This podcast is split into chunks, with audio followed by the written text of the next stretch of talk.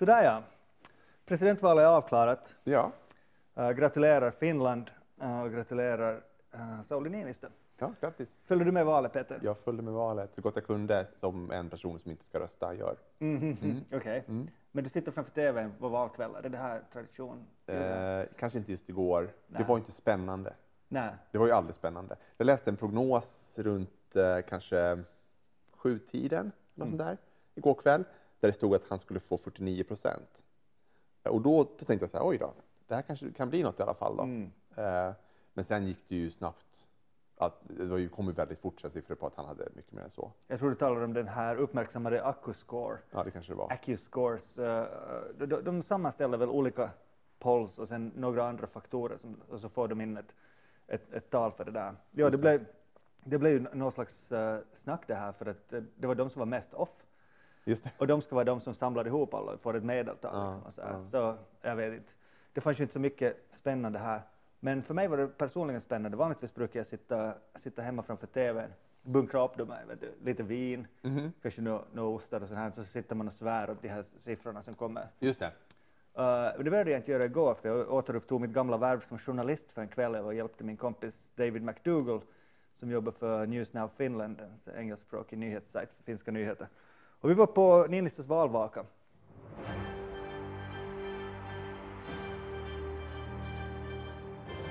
Två nollor för mycket med Peter Törnroth och Janne Ström. Och det, var, det, var, det har jag aldrig varit på tidigare, ens som journalist har jag aldrig besökt de här valvakorna, utan vi har alltid gjort sändningar då från, från redaktionen. Så att, eh, man har ju sett, sett den här liksom tjusningen som, som, eh, som finns i de vinnande lägren alltid, som jag tycker är väldigt oklädsam oftast. Du, När du vinner ett politiskt val, den här liksom jublande glädjen över, att, över det här mandatet man har fått. Liksom. Ja, Kän, alltid känns lite oklädsamt. Men, eh, men det är på något sätt, om, om, du, om du är på den här festen, det här var på gamla studenthuset, så här, lite kunglig inramning på alltihop, ett gammalt hus och sånt här. Och, och det där. Och man, jag förstår den här, den här känslan liksom av att, vad fan, om vi inte firar, vad gör vi här då? Liksom? Ja, ja. Så det, det är klart, Ja. Och det var ju lätt för dem att le och så här där på, på Niinistös. Racet tog ju slut exakt samma sekund som förhandsrösterna kom in, Ja. klockan 20. Ja. Så efter det så var det inte- kanske inte så mycket att göra annat än att gå. Det var ju, så, det var ju så, också så att det var ju så, ehm, det fanns ju ingen som kunde komma nära ens i, i form av 30 procent eller 25 procent, utan det var ju liksom, Nej. vad fick, vad fick Havistad? Fick 14 va? Jag tror det slutade på knappt 14 va? Ja. Så det, var ju, det var ju verkligen ingen som var i närheten. Nej, och även om det skulle ha gått till andra så skulle det bara blivit en förkrossande seger för Niinistö och andra som skulle kunna se ännu värre ut. Jag menar, vad, vad landade han på nu? 54? se- Eller var det mer? Det var väl lite mer va? Var det mer än så? Ja. Talat så, så tappade jag intresse för alla de siffrorna rätt snabbt. Men, men jag menar, han skulle ju säkert ha tagit två tredjedelar eller tre fjärdedelar i andra omgången. Garanterat skulle jag säga. Garanterat. Det är väl ingen av de andra som, som skulle kunna uppbåda ens liksom nästan en, en, en större del av överlevande röster. Verkligen inte. Så ja, jag tror som du, jag tror, jag tror att det är, det är bara skonsamt för alla inblandade att det här inte blev fler omgångar. Ja, och fin, fint också att de här fringe-kandidaterna, som Väyrynen och Huhtasaari, verkligen hölls där på sina se- 6 procent respektive, knappt 7 eller Jag vad de upplever sig hade. Huhtasaari som ganska nöjd med tillstånden på allting. Men hon kör ju den här, den här nya slags av, av eh, informations eller missinformationskampanjer där, där liksom ett vet du, permanent leende på, sen bara tuta och kör, vet du, säg hur allt, bra allting är och bara liksom, förs- på något sätt försöka liksom bända den här eh, allmänheten via mediegenomslagen. Det är ju också ett sätt att liksom bara visa sig duglig på något sätt och sen så nästa, nästa val man faktiskt kan vinna. Hela hennes presidentvalskampanj var ju förberedelse för nästa års Ja. riksdagsval. Ja. Så vi får se hur, hur det går där. De flesta bedömare har ju sagt att de här siffrorna, även om det gick jättedåligt för Centern och, och SDP, de gamla stora partierna, att man ska inte dra några slutsatser av det här. Mm. riktigt. Det här var ju ett, ett alldeles typiskt personval i en turbulent tid för en person som anses vara väldigt kvalificerad. Ja. Med slutligen en roll som inte riktigt berör oss. Jag tror I- det är i vår problemet också. vardag, Jag, tror det, liksom. jag tror det är hela problemet. Att det, att det, paradoxen är att det, det, här är ing, det, det spelar ingen roll egentligen. Nej, man, kan, man kan göra jobbet man kan göra jobbet dåligt naturligtvis, men då spelar det inte någon roll heller. Man skulle kunna kalla presidenten för en konsult för utrikespolitiken. Ungefär så, ja. alltså. Och, och, men han är ju bra på det han gör. Han, är, han kan ju tydligen träffa vem som helst utan att någon blir arg. Ja. Och Och det- det, kan ju vara bra för den så kallade Finlandsbilden då. Mm. Någon slags reklampelare, ungefär som svenska kungen som åker omkring och liksom klipper band. Absolut, men Mm. här, här har du också en, en, en ganska kompetent kille. Tycker Absolut, jag. Det- absolut. Och, och ändå ett, ett rätt ansvarsfullt jobb, så jag tror, jag tror inte att någon, och någon, ingen var ju alltså missnöjd igår. Nej. Såg du en enda missnöjd min hos någon? Nej, jag såg ingen som var nöjd. Till och med Paavo Väyrynen, det måste ju, måste ju vara lite jobbigt att komma sist. alltså Nicke Torvalds. Ja, Ja, det var säkert för att jag dissade honom i förra podden. ja just, det. just det. Det var det som avgjorde. Nej, Det men det, är klart, det, det är aldrig kul att komma sist.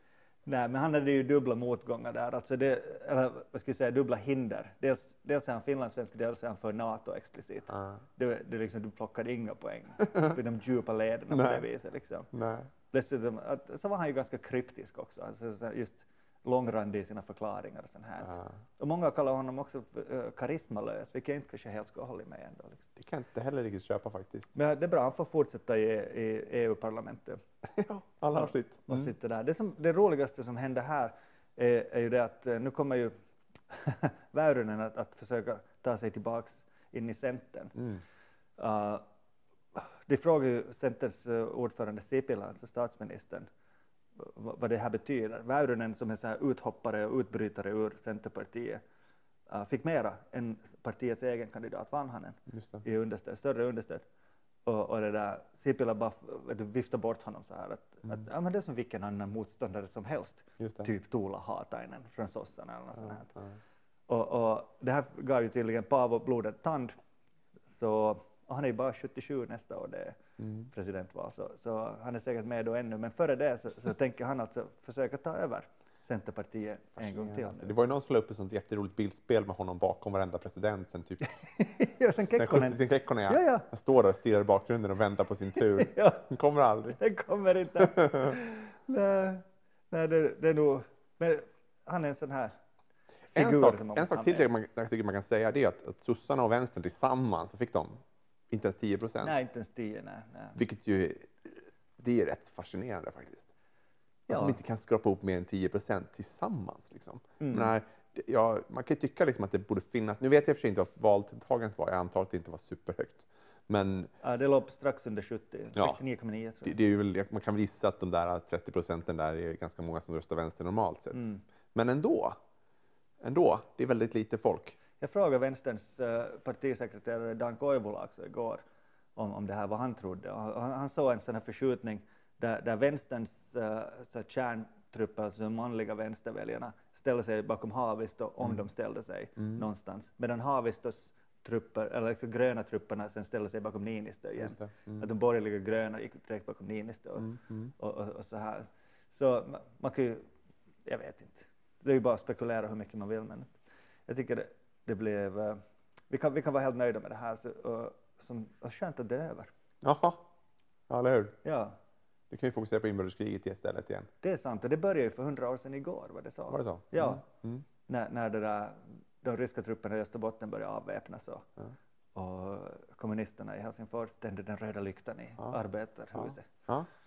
Spännande. Så, ja, ja det, verkligen. Jag lyssnar på en hel del på de här historierna som människor från den tiden som var med har berättat. Så det här är inspelat på 60-talet, Mm. så 50 år efter kriget. Så, och då var de ju redan gamla för sin ålder. Alltså för den, Mm. den, alltså, och, och det liksom, Yle, Yle har samlat en jättefin serie med de här människorna, både från olika, från röda och vita sidan. Då liksom. Och det är, så, det är sådana här historier som man Ja, där gick vi i skogen och jag vet inte varför de är fulla alltid när de blir intervjuade, men så här låter de. Liksom. Där gick vi i skogen, så smällde det bakom och så där stod han ju sen, vet du, Jussi Lappalainen. Och hade ju en vit bindel på armen, satan, så jag måste ju skjuta mot honom då. Nå, jag missade ju, men han sprang nog. Den här nivån liksom av krig.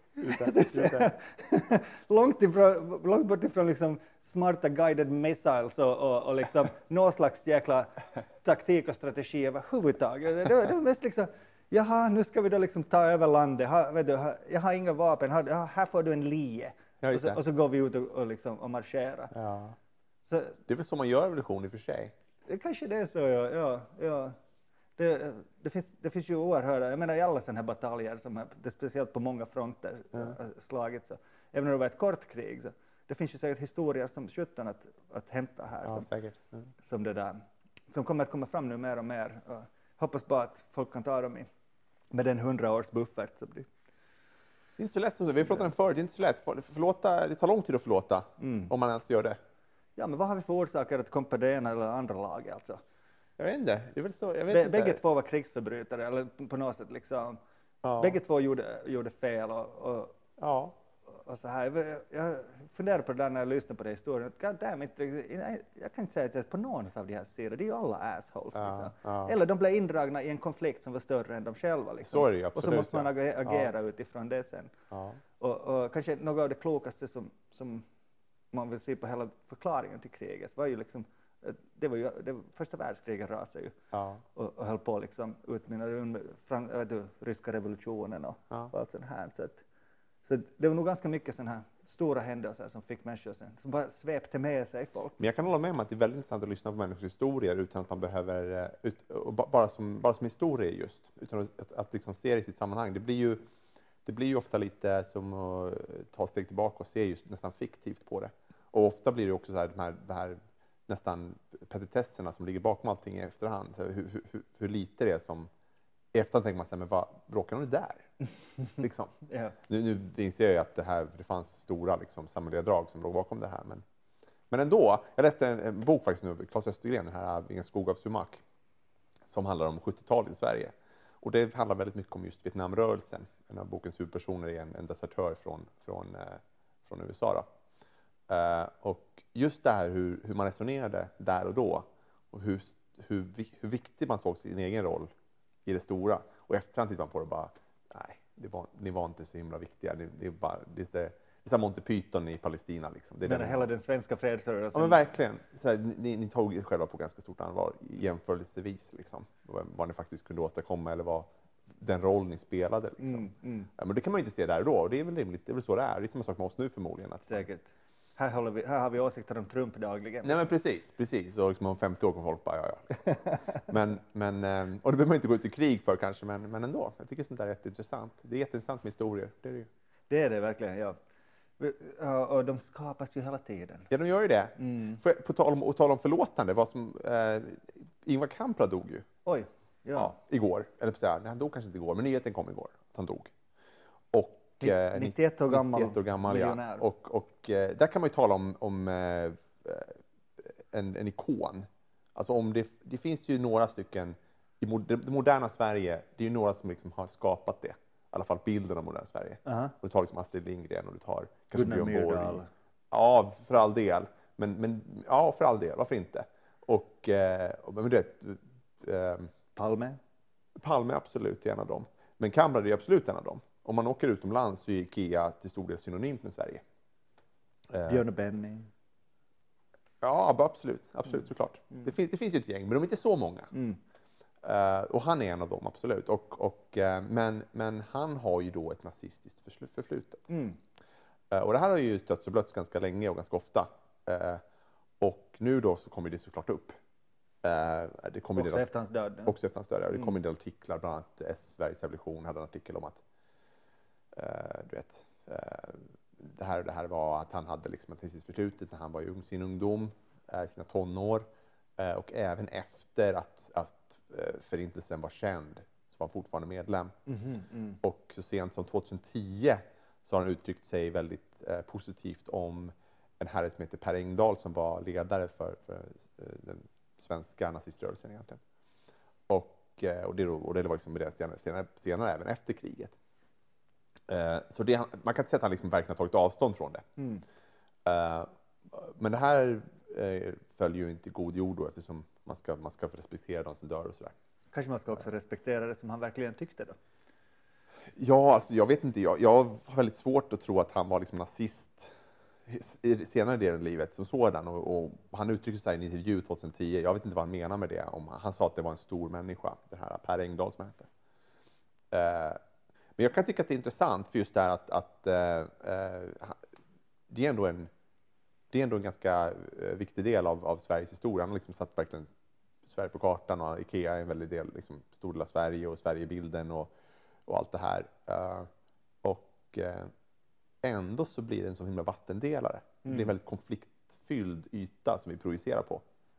Uh, liksom ena sidan säger att han var en, en kapitalistsvin, ett nazistiskt kapitalistiskt svin som liksom utnyttjade folket i hela världen och sålde liksom dålig kvalitet till eh, du vet, bla bla bla bla. Och andra sidan att han, var liksom, han har skapat miljontals jobb och liksom, han, har gjort, han har utvecklat och har gjort Sverige berömt i världen. Och, Mm.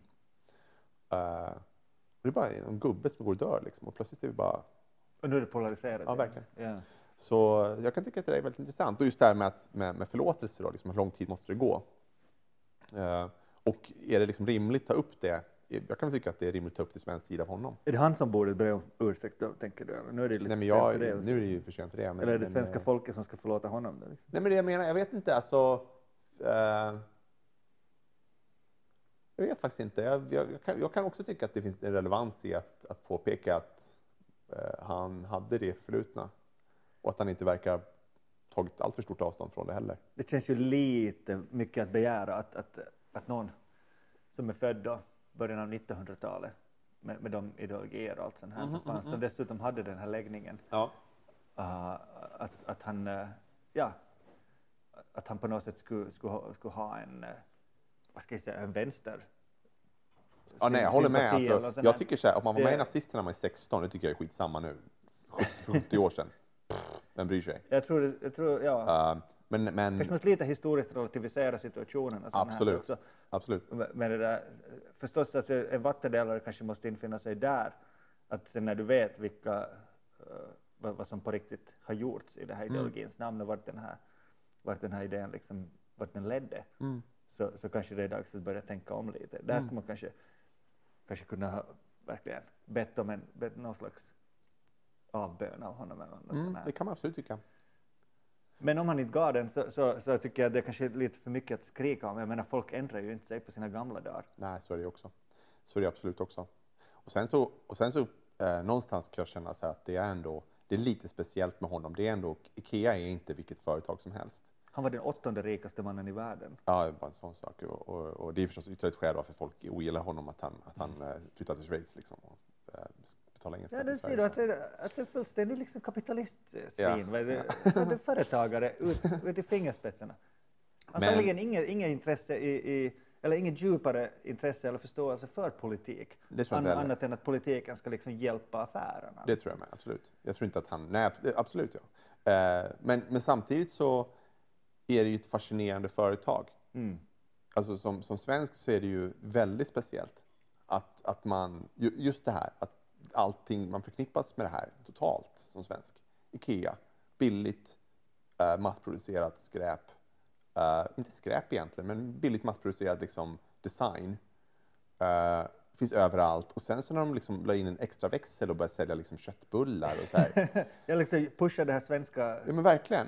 Och, och det här att liksom allting har svenska namn. Och, Ja, det det tycker jag om. Det är något av det mest geniala som finns. ja visst är det genialt? Jag, ja, det, det är verkligen någonting som, som jag tycker att alla borde i kommunikationsbranschen och marknadsföringsbranschen fundera på. Den genialiteten att varenda jäkla produkt har ett namn. Ja, Ett riktigt, alltså egen namn. ja, Inte bara skruv, utan liksom ja. någonting skruvat. Liksom. Ja, ja visst. Ofta. Börje liksom. Ja, Ja, ludd. ja precis. Du vet, så här, Ja. Nej, men det, är, det är helt fascinerande att ta- tala om liksom att det är ju populärt att prata om Sverigebilden de här dagarna när sitter folk i så Fox News och snackar om liksom att Sverige är som en slags getto nu för tiden. Liksom. just det, ni har ju det problemet. Eh, men, men, eh, och, och där kan man ju säga att de har ju spritt, eh, man kan väl diskutera om det liksom är den bilden man vill ha ett land, men jag tycker att man kan ha sämre ambassadörer i världen än ett sådant företag. Um, det tycker jag absolut. Mm. Och, och eh, det är ändå ganska, jag, tycker, jag kan tycka att det är ganska fint på sätt och vis faktiskt. Mm. Man åker ut till Ikea här i Bästbo eller Vanda liksom. Har någon slags mini-Sverige där ute. Det, är- det är lite speciellt. Dalahästar och grejer. Mm. Ja. Så nu kommer likkistan Ingvar till salu snart. Precis. Det här stal jag av Basse Nyberg som hade gjort en väldigt rolig serieteckning om det här. Just det. Så, ja så du. Mhm. Så, tack och hej Ingvar då. Och Ingvar. Mm. Så, var det någonting med den här debatten du tycker man borde adressera ännu? Eh, nej, Eller bara jag- den, är- den, är bara, den är bara tidstypisk tycker jag. Ja. Eh, just det här att det, det går inte att... Eh, jag tar ett exempel. Det var en, eh, en kvinna på Twitter igår som skrev just det här. Hon skrev sådär att nej, men nu, eh, good riddance i princip skrev hon. Oj. Liksom bara att eh, här nazist med liksom, kapitalist, nazist försvann liksom. Det är så här Arnstad-nivå på det här. Ja men typ. Och, och eh, hon var lärarinna visade sig. Mm. och någon, du vet, någon tar hennes tweet, eh, retweetar den med en så här kommentar. Subtweetar. All hell is loose liksom. Och konsekvensen blir att de får låsa dörrarna på hennes skola för att hon får mordhot. Du vet. Eh, så det är liksom Det är så här, det eskalerar så jävla fort. Ja, ja. Eh, och jag kan väl också tycka att det är lite så här småkorkat att skriva så. Man, man behöver inte vara så aggressiv hela tiden. Mm. Men, men eh, man behöver inte heller få mordhot för det kan jag känna. Det är liksom inte, nivån är liksom, man, man behöver inte gå från 1 till 100 på en gång. Nej, vad är det där grejen också? Och, det- och det händer ju hela tiden just nu. Det är ju så himla vanligt att det, att det blir alldeles för stora konsekvenser Mm. för enskilda personer som råkar hamna i skottlinjen. Det, det händer ju hela tiden. Ni kanske skulle behöva en Niinistö som lugnar ner stämningarna lite. Ja men typ, så här, kungen får gå in på Twitter och liksom hälla ja. balsam. Liksom. Ja, men det är ju det är ju en hel del som händer också i Sverige. Alltså, vi, vi kanske har undvikit uh, de här, uh, vad, vad var nyheten nu om, om, om att skicka ut militären ut i förorten? Ja, det var, ju då, det, var ju, det var ju en och en halv vecka sedan ungefär så var att eh, Sverigedemokraterna gick ut med det förslaget. Då. Det är ett typiskt Sverigedemokratiskt förslag. De vet ju själva att det aldrig kommer hända. Eh, men, men det får dem att framstå som väldigt hårda mot liksom, det här problemet. Ja, ja. precis. precis. Eh, och, eh, och det var då en eh, eh, riksdagsdebatt där, där Åkesson gick upp och pratade om det här. Och då var det en TT-journalist som frågade eh, Löfven, då, statsminister Löfven, eh, efter det här vad han tyckte. Och, och Löfven var så här, ja, nej, det här är ingenting jag utesluter. Han utesluter inte militär intervention, I intervention i förorterna Precis. för att eh, komma åt gängproblemet. Precis. Och eh, det var ju inte jättepopulärt, kan man säga. Så, Från no-go zone till krigszone. Ja, men faktiskt. Och, och, och liksom... vet inte, var ska man, var ska man börja liksom? Det, det är ju... Det här har varit en stor fråga i, Finland också, alltså just på grund av att, att eh, vi har vaknat upp till de här statistiken från i fjol. Uh, var, det, eh, var det 300 skott, uh, skottdåd i hela Sverige i fjol Ja, relaterat till det här? Ja, Ett tiotal döda, något sånt. Mm. något sånt här, och, och det där. Och, och det här är ju sen förstås, de som, de, det finns människor som har politiska motiv med att, med att liksom hålla fram med de här. Ja. Och nu, är, nu är det då dykt upp en massa, vet du, alla som har någonsin besökt Sverige har nu fått uttala sig om, om vad den här situationen är. Ja. Och jag, läs, jag läste några så torvliga liksom. Och ofta, vet du, någon, någon gammal eh, korrespondent för, för YLE vet du, som varit stationerad i Stockholm på 70-talet som nu får liksom berätta om hur eh, allt, eh, allt ligger i, i, i fatet för den regeringen då som inte förstod hur man skulle göra integration och sånt här. Mm. Och, och liksom så, och det, menar, det, det är klart att det är ett, ett komplext problem. Och, Ja. och, och jag menar, det, det är ett faktum att, att du har en massa lågutbildade människor som lever på knarkförsäljning och sen vet du, så slåss de om revir eller vad Mm. för sjutton den grundorsaken än, Mm. än är. Men så finns det också några som, som har varit väldigt uh, jag säga, analytiska Mm. och, fa och faktiskt uh, satt det här i den kontext som det kanske tillhör. Men det är ett faktum att det här fenomenet nu existerar och vi har liksom ja, vi har definierat att det finns ett sånt här gängkriminalitetsproblem. Mm. Och, och, och det som kanske har gjort det mest uppmärksammat är att ganska grova vapen har använts. Då, liksom. Mm. Det är ju inte första gången i Sverige. Jag menar, om det, jag menar bankrånare och, och, och värdetransportrånare har ju tidigare använt fucking bomber och, Absolut. och maskingevär och allt sånt här. Mm. Men, men det här tycks glöms bort nu, för att nu, nu handlar det om liksom invandrarkillarna i förorten. Så nu om någon har en, en, en granat där, så då är det ju liksom världens största, största kalabalik kring det här. Och det, det, blev, det var intressant att se, för att, för att, eh, och nu minns jag inte vad den här forskaren hette, men jag lyssnade på henne i, i, i morgonradion förra veckan. Och, och men så fullständigt lugn ton, bara så här, ja, att det finns inga pikar i, i statistiken här. Nej, det är väl det som de säger. Mm. Inga pikar överhuvudtaget. Mm. Och, så, och, och liksom finska folket skriker efter, men vi måste, vet du, vi får inte, det får inte bli som i Sverige och så här. Mm. Och man bara, mm, men det har varit så här i Sverige ganska länge. redan. Just det. Mm. att, men det är klart man vet vad de egentligen är ute efter. Alltså. Ja. Det är speciellt, det var, ju, det var ju en artikel i eh, Spectator var va? Brittiska, eh, den är väl rätt högt, långt ut på högerkanten i, i Storbritannien. Eh, någon brittisk journalist som liksom har pratat med svenska poliser och sådär om, om situationen i Malmö tror jag framförallt. Eh, och liksom skriver en artikel om att det finns här, det går omkring 14-åringar med Kalashnikov och skottsäker väst på gatorna i Malmö. Oj. Och läser man det så får man ju intrycket att det är, liksom, det är en krigszon. Liksom. Mm, mm. Eh, och, och, ehm, det, det, det, absurda är att det är just här, vi kan inte, det är väldigt svårt att få en verklighetsbild som alla kan vara hyfsat överens om i alla fall. Man kan ju tycka liksom att, jag kan tycka att absolut, det är klart att det är ett jätteproblem att det finns grov kriminalitet som, har liksom, som, som kastar handgranater och liksom spränger polisstationer. Mm. Det, det är knappast någon som tycker att det är en bra grej. Eh, men steget därifrån till att det liksom är öppen krigsföring på gatorna, liksom, det är ju rätt stort. Ja. Eh, Det är liksom inte Kabul. Liksom. Så... eh, Eller är det? eller är det? Men det är ju det som är grejen. Många, det finns ju de som faktiskt hävdar att det är så illa. Eh, och, och, och, och det blir så absurt för mig. Sådär. Jag, jag är sådär, en av mina käpphästar är att jag, jag försöker inte bli den där uh, utlandssvensken som sitter och oroar mig för utvecklingen i Sverige. För jag, det är bland det värsta jag vet. Utlandssvenskar som sitter och bara, du vet. Ja, Jag måste lämna Sverige. Det Ja men eller hur. där, liksom. Ja fy fan. Eh, så, att, så jag tycker att det är lite kymigt så att prata om liksom sånt, men samtidigt, vad fan. Eh, så man vet ju att både du och jag kan ju åka till Malmö imorgon och det är helt safe. Liksom. Ja. Eh, och det är en så absurd tanke att det finns människor som sitter där ute och bara, nej men det är inte alls det. Du kan inte åka dit för du kommer förmodligen bli beskjuten. Liksom. Mm, mm. Bara nja, liksom. Så illa är det ju inte. Ja, men det också, det borde kanske faktiskt sägas, sägas mer om det här och liksom kanske, kanske liksom, vet, du, mera folk som verkligen vet, vet vad det är som händer. För att den här bilden håller på att liksom slå sig fast i Finland nu, alltså också bland helt vanliga människor som nu inte är så politiskt intresserade överhuvudtaget eller samhällsintresserade. Så på jobbet vet du, kan man höra någon som, som liksom i förbifarten refererar till till exempel uh, Rosengård i Malmö som det där stället dit ju inte polisen längre åker. Du, så det börjar bli en sanning. Mm. Och, och, och ja. Och sen, sen är man sådär, ah, ska man, ska man liksom börja ge sig in i det här? Är det nu värt det här? Liksom? Mm. Mm. Och jag vet inte vad, vad, vad det är, men det är, Men det det är tydligt också, att, stämningarna inte- i Sverige är ganska, ganska liksom... De är ju det. Man vill ju heller inte bli någon slags talesman för liksom allting är fantastiskt. Utan Sverige hur, fantastiskt. hur hittar man liksom en, en, var hittar man en, en yta där man kan diskutera på ett sätt som är rimligt? Liksom?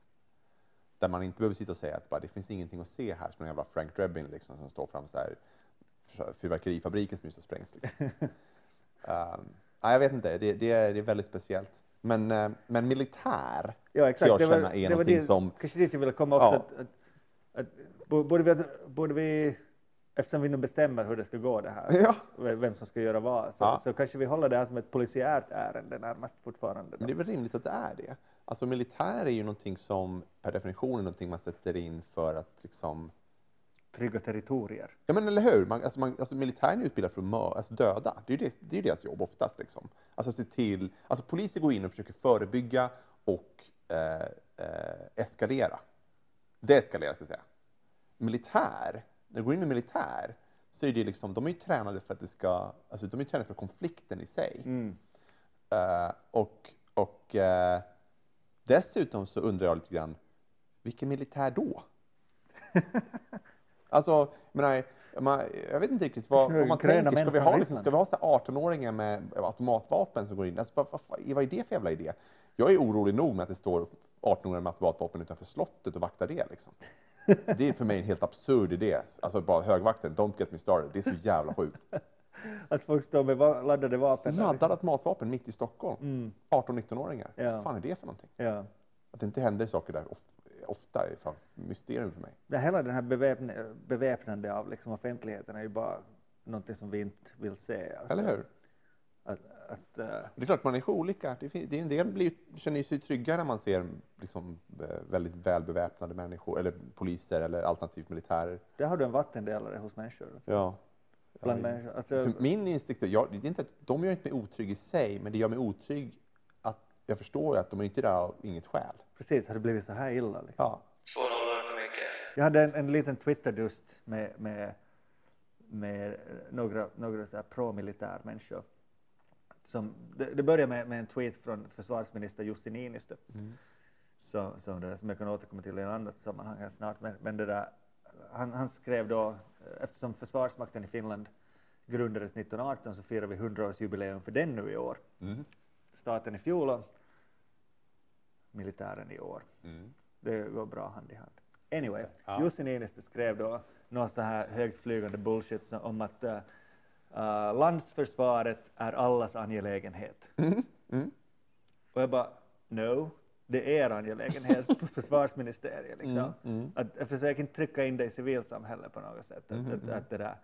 att okej, om ni tar er, er, uh, er beskärda del att befrämja kultur och, och ekonomisk tillväxt Mm. så kan jag tänka mig att, att ta an någon slags landsförsvarsuppgifter också. Okej. Men basically säga att, att landsförsvaret tillhör Försvarsmakten Mm. och vi andra liksom sysslar med vårt och, och, det där, och så, så håller vi liksom vattentäta skott där gärna. Aha. Och då kom det ju som sådär, "Ah, men förstår du inte att alla måste försvara Finland, vi är ett så litet land och vi, vi liksom, jag bara, fuck that.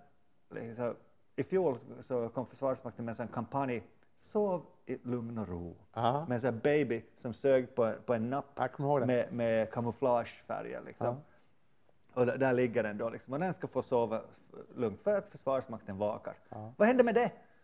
När blev jag liksom... Det håller jag med om. Jag håller med om att det är, det är två budskap som går emot varandra ganska tvärt. Uh, däremot kan jag tycka att uh, alltså, lite märka ord är det ju. Okej, vad- du, du tycker vi borde delta i landsförsvaret? här, Nej, liksom? men alltså, det är klart att det finns ett civilförsvar och det är klart att den dagen det blir krig så kommer ju de flesta dras in på ett eller annat sätt. Och då kan man diskutera hur pass förberedd ska man vara för det. Ja, nå, jag tycker att, att det där, så, så före vi liksom står inför någon slags, jag tänker, inte- jag tänker inte delta, Nej. faktiskt inte. Nej. Nej, jag tänker inte delta i, i, i det som kallas för manpuolustus, Mm. det vill säga landsförsvar. Mm. På, på något sätt överhuvudtaget. Jag tänker gå på jobb, Mm. jag tänker sätta mina pengar på, på restauranger och teater och, och andra liksom kulturartefakter och, och andra onödiga saker och understödja ekonomin på det viset. Delta i samhället genom att rösta och vara aktiv. Ja. Men jag tänker inte delta i någon landsförsvar. Men, men okej, om, eh, om, man, om man vidgar begreppet till att innebära, du vet, du, man tar ansvar för att man själv, eh, du vet, har det man behöver hemma eller att man tar ansvar för att man vet var närmsta skyddsrum ligger någonstans eller att man tar, du vet, alltså, Allt det där skitet tänker jag inte ha någonting med att göra. inte? Nej, ingenting överhuvudtaget. Jag tänker utgå ifrån att vi lever i fredstid så länge jag, jag, jag existerar. Ja. Och om vi inte gör det så är det någon annans fel. Det det är inte mitt jobb att upprätthålla freden mellan nationerna så att vi inte hamnar i en, i en konflikt. Fast det är alltså, vad jag menar, Jag man, när man står inför fullbordat faktum, tänker jag. Ja, sen när vi står inför fullbordat faktum så, så är det där, då är det en annan sak. Ja. Men, men fram tills dess så tycker jag inte att militären ska ha liksom en sån här en närvaro i civilsamhället, i, i, i, i vårt, ens i vår tanke. Det ska inte, det, för då är, då är steget väldigt kort till att du har militärer som står på gatan också, Mm. av den ena eller andra orsaken. Att nu när man ser liksom militärer så är det så här eh, 17, 18, 19-åriga killar som, som är på väg med bussen ner till någon garnison hem från permisen. Eller liksom. skaka bössor för veteranerna. Och det, det, är liksom, det är den liksom mer än vad jag vill se uniformer på gatan. Jag vill inte se uniformer överhuvudtaget i civilsamhället. Jag vill inte se militärparader, jag vill, jag vill inte se vapen överhuvudtaget. Jag vill inte liksom höra det här eh, vet du, försvarssaker ens debatteras i stort sett. Det, är, det är inte något som, vet du, det här är något som vi outsourcar till de som är intresserade av det. Just sådana här liksom, uh, människor som är lagda som Jussi Niinistö, som älskar sådana här saker, som verkligen kommer att göra sitt bästa för att, för att Finland liksom aldrig hamnar i, i något krig eller något sånt här. Alltså, människor som är intresserade av försvarsfrågor och annat sånt här. Försök inte trycka det på mig, är vad jag försökte säga där i den här twittern. Okej, men eh, så här då, om, om, det, om det skulle hända någonting eh, och eh, då finns det ju olika grader av förberedelse i ett samhälle. Vi tar, vi tar en grej som till exempel i Sverige är det ofta debatt nu för tiden om att det var, jag tror att Uppdra- Uppdrag granskning tror jag hade det för, för ett år sedan kanske, att eh, Sverige Eh, Sverige har i stort sett ingen förberedelse för eh, egenförsörjning if, ifall eh, importen skulle försvinna. Så att ifall vi skulle bli avgränsade i, under krig till exempel, eller varför inte under någon naturkatastrof, så skulle vi, alltså svensk Sverige skulle ha typ två veckor i bästa fall. Typ om allting funkar skulle vi ha två veckor. Okej. I Finland är det motsvarande sex månader. Eh, och, och det ser jag också som en del av försvaret. Jag ser det som Eh, Jag tycker att det finns, man kan diskutera om det behövs eller inte, man kan diskutera om det ska, resurser ska läggas någon annanstans. Är sex månader för lång tid? Ska det vara fyra månader istället? Vi lägger de två månaderna, vad det nu är för någonting, de resurserna på någonting annat. Fine. Men min poäng är att jag tycker att någon har ansvar för att det ska fungera. Och, den, och det för mig är en del av försvaret. Eh, och sen då, ifall det skulle hända någonting, hända någonting i Sverige och allt går åt helvete och det inte finns liksom vete, eh, för att det är ingen som har sparat på det. Men det här är inte din uppgift, Peter. Nej, men min uppgift är det kanske inte, men det är, för mig så är det en, eh, det, det är en diskussion som måste föras. Det måste finnas en, det måste finnas en eh, någon har ansvar för det här. Det är inte någon, en diskussion som måste föras, det är bara en sak som måste göras. Ja, fast det är väl politik, det är väl det som är politik. Att man bestämmer hur man gör saker. Och där ingår även försvaret av landet, tänker jag. Och- Så ni är inkompetenta försvarsministrar helt tydligt. Ja, säkert är det så. Alltså, eller så här, de avvecklar ju Sveriges försvar eftersom det inte skulle vara någon mer krig. Mm. Eh, och och eh, nu har de kommit på att det kanske inte var så himla bra. Mm. Och eh, jag menar, jag är inte heller, jag är, alltså du vet, jag tycker inte heller om parad, jag tycker det är meningslöst. Jag tycker inte om, jag tycker inte heller liksom om, jag, jag tyckte uniformen var snygga i exakt ungefär ett halvår när jag själv gjorde lumpen. För någon slags, i någon slags hjärntvättad liksom, eh, Oj, vad det rus. sitter bra, Ja men typ. Och, men sen när jag väl kom ut därifrån så var det bara, vad fan tänkte jag på? Men, eh, men och nu, nej jag har inget, eh, eller ja i och för sig, så här, officer och gentleman, off- det är ju rätt snyggt alltså, så här, här vita, vit hatt och sånt där. Det kan man, väl, det kan man väl köpa. Glad, ja, paraduniformen. Ja, men, eh, men i alla fall. Så jag är verkligen ingen varken vapen eller militärivrare, men, men jag tycker att det är rimligt det finns en grad av eh, närvaro i den meningen att folk ska vara medvetna om vad är vem är ansvarig och vad skulle hända ungefär ifall det skulle behövas någon form av försvar? Eh, och, och dessutom så är det ju så att nu för tiden, vad fan är krig ens för någonting?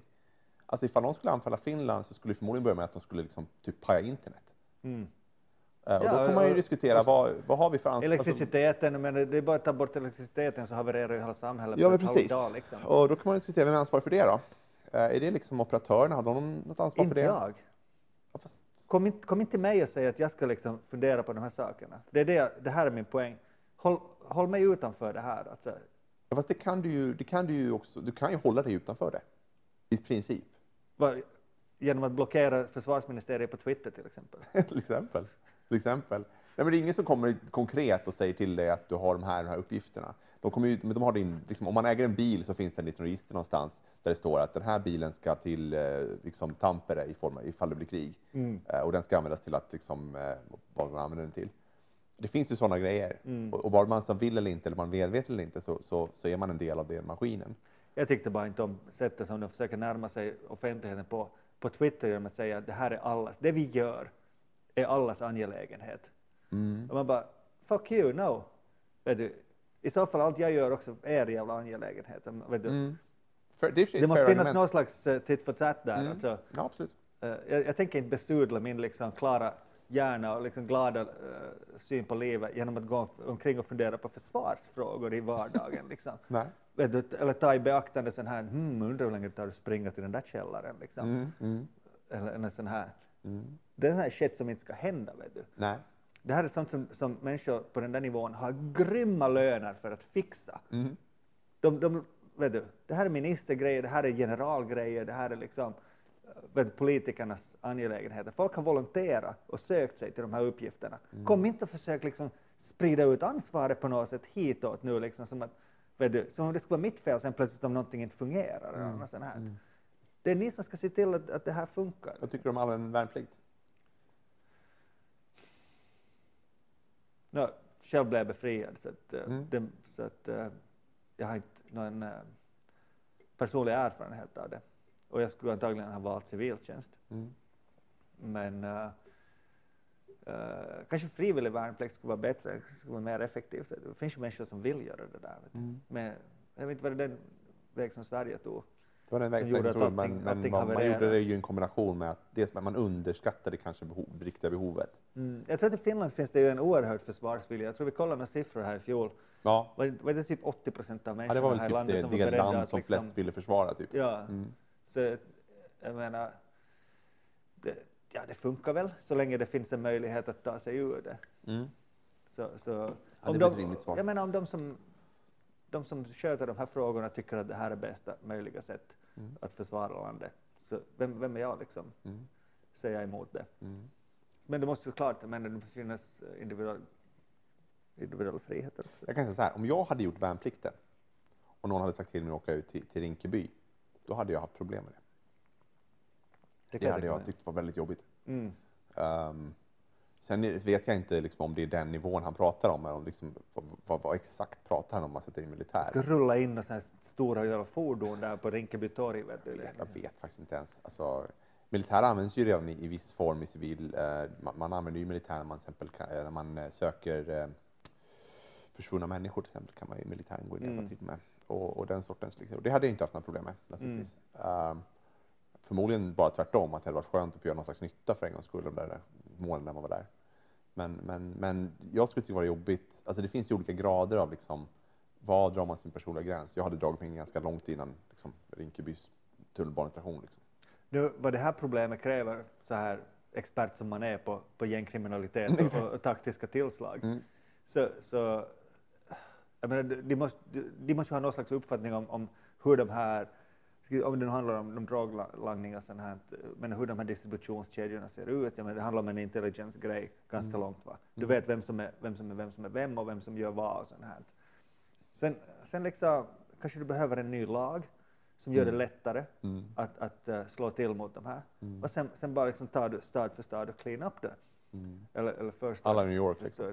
Alltså, ja, som, som eh, var det Bloomberg eller Giuliani som, Julian? som, ja, som rensade upp New York. Alltså, nu kan du gå på Manhattan mitt i natten utan att behöva vara rädd. Liksom. Mm. Kanske du kan gå i Bergsjön snart också mitt i natten utan att vara rädd. Eller så här. Men, men det går ju att göra saker åt det utan att, utan att behöva skicka in fucking militär. Det är ju, det är ju bara populistiskt skräp. Det, det, det är också, utan, återigen utan att veta mm, jättemycket om det, så låter det ju som exakt det. Populistiskt skräp. En situation som inte i verkligheten någonsin går att egentligen göra någonting av. Någonting som polisen förmodligen inte alls vill. Eh, De vill nog snarare ha fler poliser. Mm. ehm, och så vidare. Eh, Och jag avslutade nu med den här uh, fight, fighten med försvarsministeriet. Så det, det som jag gjorde att jag reagerade så illa på det här var ju säkert den här att, att hela den här liksom, nationsbyggarideologin som Finland mycket har, liksom att alla på något sätt är, är sist och slutligen bara delar av den här gemensamma samhällskroppen som vi ska liksom, det är inte ett liberalt samhälle i det avseendet liksom att, att, eh, att eh, statens, eh, statliga funktioner finns till för individen, utan individerna finns till för att upprätthålla statliga funktioner. Det är lite en sån tankegång här. Ju mindre land, desto sen större förmodligen så. Ja, kanske det är så. Ja. Och, sen, och, när, och när du sen, sen börjar liksom ta in försvaret mot civilsamhället närmare och närmare, så, så, blir, så blir det bara liksom mer och mer av det här. Liksom, uh, ja, det är mindre liberalt helt enkelt, om, om jag måste på något sätt tänka på, på det samhällets bästa. Än en gång via det här liksom, försvaret. Men det om det. Alla vet vad jag tycker om Jussi Niinistö. Jag kan eh, ta en annan sak som jag kan, är nyfiken på om du skulle gå i krig för. Ja. Eh, de vill förbjuda rökning på utserveringar i Sverige. Exakt. Uh, när det hände här för tio år sedan så, så var jag ju nog nästan, nästan beredd. Jag skrev många, många elaka kolumner om den här dåvarande ministern som var en tandläkare från en liten stad någonstans i norra Österbotten. Jag undrar hur i helvete kan en tandläkare från en liten by i norra Österbotten komma och säga åt oss var vi får röka i Helsingfors eller inte. Men krig är kanske, kanske eh, lite, lite att ta i. Jag kanske inte ska dra ut i krig, men eh, jag vill gärna höra vad det är som, som pågår. Alltså det är ju, det är ju ehm, de vill, Socialdemokraterna då, eh, eller regeringen, vill eh, från och med eh, den 1 januari 2019 eh, förbjuda, eh, ha en ny tobakslag. Och den lagen skulle då innebära att man får inte längre röka på utserveringar. Okej. Och hittills har det varit någonting som man, restauranger kan eh, inte tillåta själva naturligtvis, ifall de inte vill. Eller ifall de vill. Eh, Medan andra då får man röka på. Och eh, det här, det, det tog hus i helvete lite grann faktiskt. Mm. Eh, att, att, eh, eh, på något sätt känns det som rökarnas sista bastion. Det här är liksom deras sista, den sista platsen där de tillåts att röka. Jag menar, på, på, på flygplatser så står de liksom, alltså, du vet ju själv, man liksom står i så här burar någonstans. Det är så här små glasburar, ja. Ja, Det ser ganska hemskt ut. Visst gör det det? Det är nästan som en sovvarning att titta här, så här rökare liksom står utanför. Eh, men men Eh, och framförallt kanske just det här liksom, frihetsargumentet kommer upp. Mm. Att, Ja, folk eh, reagerar illa på förbud i allmänhet. Ja, och också den diskussionen som blir och det är vad är det egentligen som är liberalt? Är det liberalt att säga att folk borde få bestämma själva? Eller är det liberalt att säga att eh, folk borde inte utsättas för andras eh, rök? det första. Ja, Det är det liberala. mm, Ja. säger du. Ja, du, är- du menar du ska ha en frihet från eh, att bli störd av, av, av rök exempel? Det argumentet. Det, det, ja, no. Jag skulle gärna ha en frihet från, från de här jävla bilarna här på gatan, men det är ju ingen som lyssnar på mig för det heller. Nej, det är ju, Så, så den, där, den där sidan... jag är böjd att hålla med om att det är jag tror så här, jag tror att det här är bara, det är bara ett steg som ändå kommer hända. Det här är, liksom, det är bara ett ytterligare liksom, spik i kistan på, på rökningen på något sätt. Men det är ju det. Alltså, och det som du gör, du motiverar allt sånt här, det är ju för att du på riktigt ska bli av med det. Ja. Det är ju inte bara något sånt här liksom att nu ska vi förtjäna liksom lite mer pengar på accisen eller något sånt här. Nej, Eh, Och göra det lite jobbigt. Det här handlar ju om utrotning. exakt. Det är ju liksom, det är strategisk utrotning. Absolut, det, visst är det det. Och, och, och tittar man sig omkring i världen så är min uppfattning att är ju- det är eh, snarare det är den trenden som finns. Till och med i Ryssland Ja, finns den här trenden. Att Ja. till, att också så här alkoholförbud och, och, rökningsförbud inträda där också. Ja. Det börjar kännas som någon av de sista bastionerna. Liksom. ja. Frankrike kanske blir det sista stället nu då. Fransmännen alltså. Ja. ja, grattis Sverige. Här ska ju, var det 2050 vi först skulle utrota rökningen, sen blev det 2040. Jag vet inte om de har pushat ner det till 2030 nu. Ja, men det låter väl inte... Alltså, jag vet inte om man går 10, bo- 10 år eller 12 år för den delen tillbaka i tiden så säkert var det väldigt mycket som var tillåtet då. Jag saknar ju inte andra människor som röker. Nej, Däremot, så saknar, kan jag eh, njuta av en cigarett själv då. och då. Jag saknar verkligen inte på krogen. Man saknar inte, jag saknar inte alls att komma hem och, och jag saknar inte de här um, lite skarpare bakfyllorna man får Mm. när man har fått rök i sig också. Då. Vad tycker du om den här parallella trenden att, att det blir mer och mer okej att röka weed, Ja, eh, marijuana, ja. men mindre och mindre okej att röka tobak? ja det, är, ju- det är speciellt. Det är lite roligt. Ja. Så hur går det där ihop? Jag, vet, alltså jag kan, eh, nu är jag gift med en drogforskare så jag borde kunna så mycket om sånt här. Ja. Men, eh, men eh, eh, jag ska helt ärlig så jag, jag, jag har väldigt dålig koll på marijuana som liksom både som eh, rekreativ sysselsättning och som, som medicinsk Eller som business? eller som business för en del. Ja. Nu, nu visar det sig att stat efter stat i USA tillåter det här. Av, av ekonomiska orsaker? Ja. Kan jag eh, tänka mig. Men också antar jag för att de helt enkelt ser det som att det är just ett, ett det är liksom den progressiva och liberala vägen att gå. Men Eh. om det inte skulle understödas av ekonomiska Självklart. positiva mätare så skulle det inte Självklart. göra det. Och jag antar att också det, det är väl lite grann som, som eh, med alkohol där i tiden, att man såg att det var det är bättre att tillåta än att inte tillåta det, för annars de kriminella tar över den verksamheten. Liksom. Ja, och det, det är ju också, det är klart att alkohol är en förlustbusiness, men, men, men du måste på något sätt optimera det så att du får in tillräckligt med skatter. Ja, Så, ja, så det, här, det handlar nog om pengar, alla de här, ja. de här grejerna, hur de har justerat. Men å andra sidan ska man säga så här också, det är inte så att du får sitta och röka marijuana på utserveringar, men inte tobak. Ja, det blir intressant att se. Ja, så att eh, det är väl, alltså egentligen finns det ingen motsättning här. Att, Mm. att du får göra mer och mer med din egen kropp, men du får inte utsätta andra människor för Mhm, detsamma. Mm. Eh, och det kan man väl, det kan man väl hålla som en relativt konsekvent linje, tänker jag. Det kan man säkert göra. Jag tänker mig om du, om du är någonstans på Söder, till exempel på Snottis eller något sånt här, så Mm. skulle du gå ut och, och, röka. Eh, nu finns det ingen liksom, direkt uteservering där, men det finns en liten bänk där Mm. rökare brukar sitta. Mhm. Är, va- är, det, är det så att man, man inte får röka på den bänken då längre? Det borde väl vara rimligt, ja, att det är så. Eller är det så att det måste vara registrerat som en uteservering med bord och stolar och inhägnader? Fast då kommer ju folk hitta vägar runt det där, like no tomorrow. ju, Liksom. Det är det jag tänker, för, för det låter ju bara som att du flyttar problemet vet du, tio meter längre bort från baren. Fast det, det, grejen är att på en uteservering får du också dricka. Mm. Så att, så att, eh, och det får du ju inte göra. Det är ju Aha, som så vanligt. njutningen av att röka och dricka samtidigt är den som man försöker få bort. Ja, om inte annat så jag, får man ju bort det. Men hur är det då om, om, vi, om vi går via 7-Eleven och tar en, en sixpack Folkis eh, upp till, till Klarabergsparken? Ja, där, ja, vet- jag, fick, jag, jag har inte läst eh, tobaks, det här nya tobakslagen förslaget utan till precis, men jag, eh, jag inbillar mig att i parker till exempel tror jag inte ingår i, i just det här. Det tror jag inte. Jag tänkte på Katarinaparken faktiskt, där vid kyrkan. Där, där brukar jag se människor som sitter med några sixpack. Däremot så är det självklart så att det kommer bli förbjudet så småningom att röka i parker. Mm. Det är jag helt säker på. Om man blir fast. Jo, jo, men det är väl ungefär som att dricka alkohol i parker. Det gör ju folk ändå. Ursäkta. Mm. Ja, Ja, men det är speciellt. Jag, jag, jag är ju inte rökare själv, jag har aldrig rökt eh, och eh, därför är det väldigt lätt för mig att tycka att det här är väl rimligt och bra. Men Det jag, jag kan ju se samtidigt att eh, sånt här kan ju slå över i någon slags totalmoral, liksom, moraliserande panik. Och, och, och jag kan inte påstå att jag själv tycker att rökning på uteservering är ett stort problem. Nej, alltså nu är jag inte ute lika mycket som jag var för sig tio år sedan. Eh, men fortfarande så, rökning inomhus, det var ju jobbigt. ja det var ju jättejobbigt. Men rökning utomhus, ärligt talat, det är väldigt sällan jag sitter typ och bara irriterar mig på någon som röker på en uteservering. Det är väldigt sällsynt. Om jag skulle i riksdagen skulle jag vilja ha en kläm på den här lagen som skulle innebära att samtidigt måste man reducera avgaserna från bilarna som finns i stan också. Mm. Mm. För det, det, det, det, det att du kan liksom på riktigt sitta och liksom spy ur dig kolväten konstant och, och, Ja. och vad fan allt som kommer ut i avgasrören. Mm. Mitt bland folk där vi bor, där vi går, där våra barn är på dagis och allt sånt här. Ja. Hur i helvete är det okej liksom, att, att köra med dem omkring här? Livsfarliga, två ton vägande liksom, plåthelveten som det där när som helst kan ramma in i, i någon. Du behöver inte ens komma med hög hastighet för att det ska gå väldigt illa för dig. Hur kan det vara okej? Ja.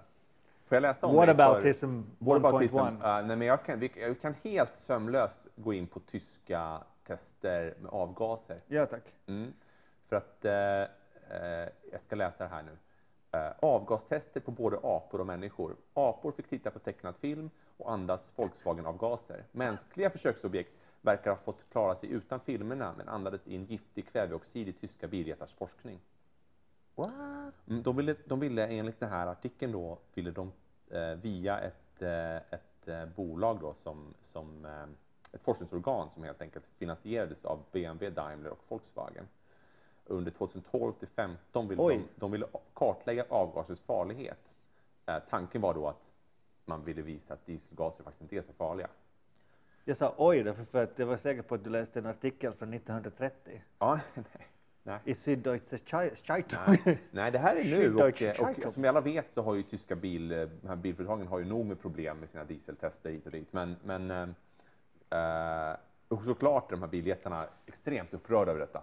Hur kunde Hur- detta gå till? Hur gick det för de här människorna och aporna nu sen då? Eh, ja, aporna aporna eh, har det inte... Eh, aporna står det faktiskt ingenting om och det står Ja. inte heller någonting om människorna, hur det faktiskt gick för dem. Men, men de har liksom... Eh, eh, de fick an- inandas kväveoxid eh, eftersom det ingår, ingår i, i dieselgaser. Då. Ja. Så, så för att visa då, syftet var att helt enkelt att visa att diesel inte är så farligt. Okej. Eh, vilket jag antar... Så inga kolväten från diesel då, eller vad är det du säger? Ja, sånt där, ja. Det är en absurd idé liksom. Monoxid? Det är ju en, en ganska vanlig biprodukt från av- i avgaserna också. Just det, just det. Ja, nej, men så det det är ju härligt tycker jag, att man, när det kommer fram sånt här. Man dör av monoxid. Ja, det är väl därför folk begår självmord på det sättet. Jag skulle tro det. Mm. Så att jag kan känna så att det är ganska dödför idé att bevisa att det är ofarligt. Man har stängt in de här aporna i så här, eh, lufttäta rum och så har de fått liksom in- inandas det här. Att vad är det med tyskar och att gasa saker liksom? Folk och fe liksom. Gör det inte så här mot mig. Fy. Nej, usch. Det, det låter liksom på något sätt inte okej. Jag menar, Nej, det är inte okej. vet du några syd, sydtyska ingenjörer som kommit på det här? "Va, Vi sålde med gasen. Usch, det är ju fast en minnesdagen för förintelsen igår. Ja, Usch. bör, börjar vi vara farligt nära någon slags, uh, någon slags, någon slags gräns här. Ja, alltså, men, nej, men alltså allvarligt, det, det är ju, det, är ju, eh, det, här är så här, det här blir bara så här, ehm, eh, Volkswagen, eh, de har ju kämpigt, kan man säga. Jag hade en relaterad nyhet om bilindustrin. Mm. Uh, elbilar, som, som, eh, som jag hejar på jättemycket här. Just eh, på grund av att de är rena. Mm. De är oftast ganska snygga designade eftersom de är moderna. Så. Mm. Och de för inte så mycket ljud. Nej, det. Mm. Och det har tydligen blivit ett problem nu. EU har bestämt att elbilar måste föra mera oväsen. Liksom mänsklig, mänsklig utveckling i ett nötskal. Gud vad roligt. Ja, vi har diese Autos, uh, kind of loud. Herregud. Okej, Japp, ja. eh, för vad- Rimligt. Ja, uh, vid hastigheter under 20 kilometer i timmen så, så är alltså bilar så, ja, så tysta. Och det är ett problem, Mm. bland annat för synskadade. Men också för människor i allmänhet har man märkt att, att de liksom vandrar ut framför bilar. Ja. Och på något sätt är det här se- sen då liksom, vet du, det är inte bilarnas fel. De kommer inte att tänka på att hmm, men kanske inte bilarna borde köra här då. Utan de tänker, hmm, kanske de ska liksom föra mer oväsen så att människor springer undan dem. Den här nivån av liksom idioti. Anyway, vid låga hastigheter kräver EU då alltså ljudeffekter eh, som ska byggas in i bilar. Nu finns det alltså designers på de här firmorna, speciellt de, de här high brand Ja. firmorna som, som, eh, som tävlar om vem som har de liksom bästa syntetiska ljuden. Ja. Ljudupplevelser annars också i bilar är väldigt viktigt. Ja. Om du köper en Mercedes så, så, så, tyst. liksom, så vet du hur den ska låta liksom, när du slår fast dörren. Just det. Dum, vet du, just det, det ska inte vara den där klang, just det. ska vara mjuka ljud, vet du, taktila ljud och sånt här. I, i, i allting. Och det här är en stor business. Nu har, eh, har de här ljuddesigners också fått fundera på då hurdana syntetiska ljud man ska det där, sätta i, i, i de här bilarna som inte har någon ljud. Ja. Och det har också visat sig att människor som köper elbilar har, har blivit irriterade på det ljudet från, från eh, elmotorn. Okej. Sam, lite samma, åt samma håll som om du har åkt eh, metron eller spårvagnar. Mm. Det är sån, mm, Just det. Mm. det är lite ansträngd Ja. där du försöker. Så för att, för att överrösta de här så, så har de här designers då liksom försökt hitta på sådana coolare ljud som, som känns mer behagliga för Just det. Och inte bara för, för människor inne i, kupén utan nu då också uh, vid låga hastigheter för, för, det där, för människor som, som är utanför och, och, och är i fara att bli överkörda. Vid hastigheter över 20 kilometer i timmen har man då ansett att uh, ljudet från däcken räcker för att avslöja att en bil är på väg. Mm. Men när man kör lå- vid låga hastigheter så måste bilen då i framtiden ha ett sånt här murr av något slag. Okej. Mm. Ja, ja. Ja, Ljud är ju speciellt. Det är ju som när man har så här klickljud på digitala kameror. Eh, För att man vill ha det. Liksom. Man- Ja. Det är störigt att den är tyst. Man fattar inte att den funkar då.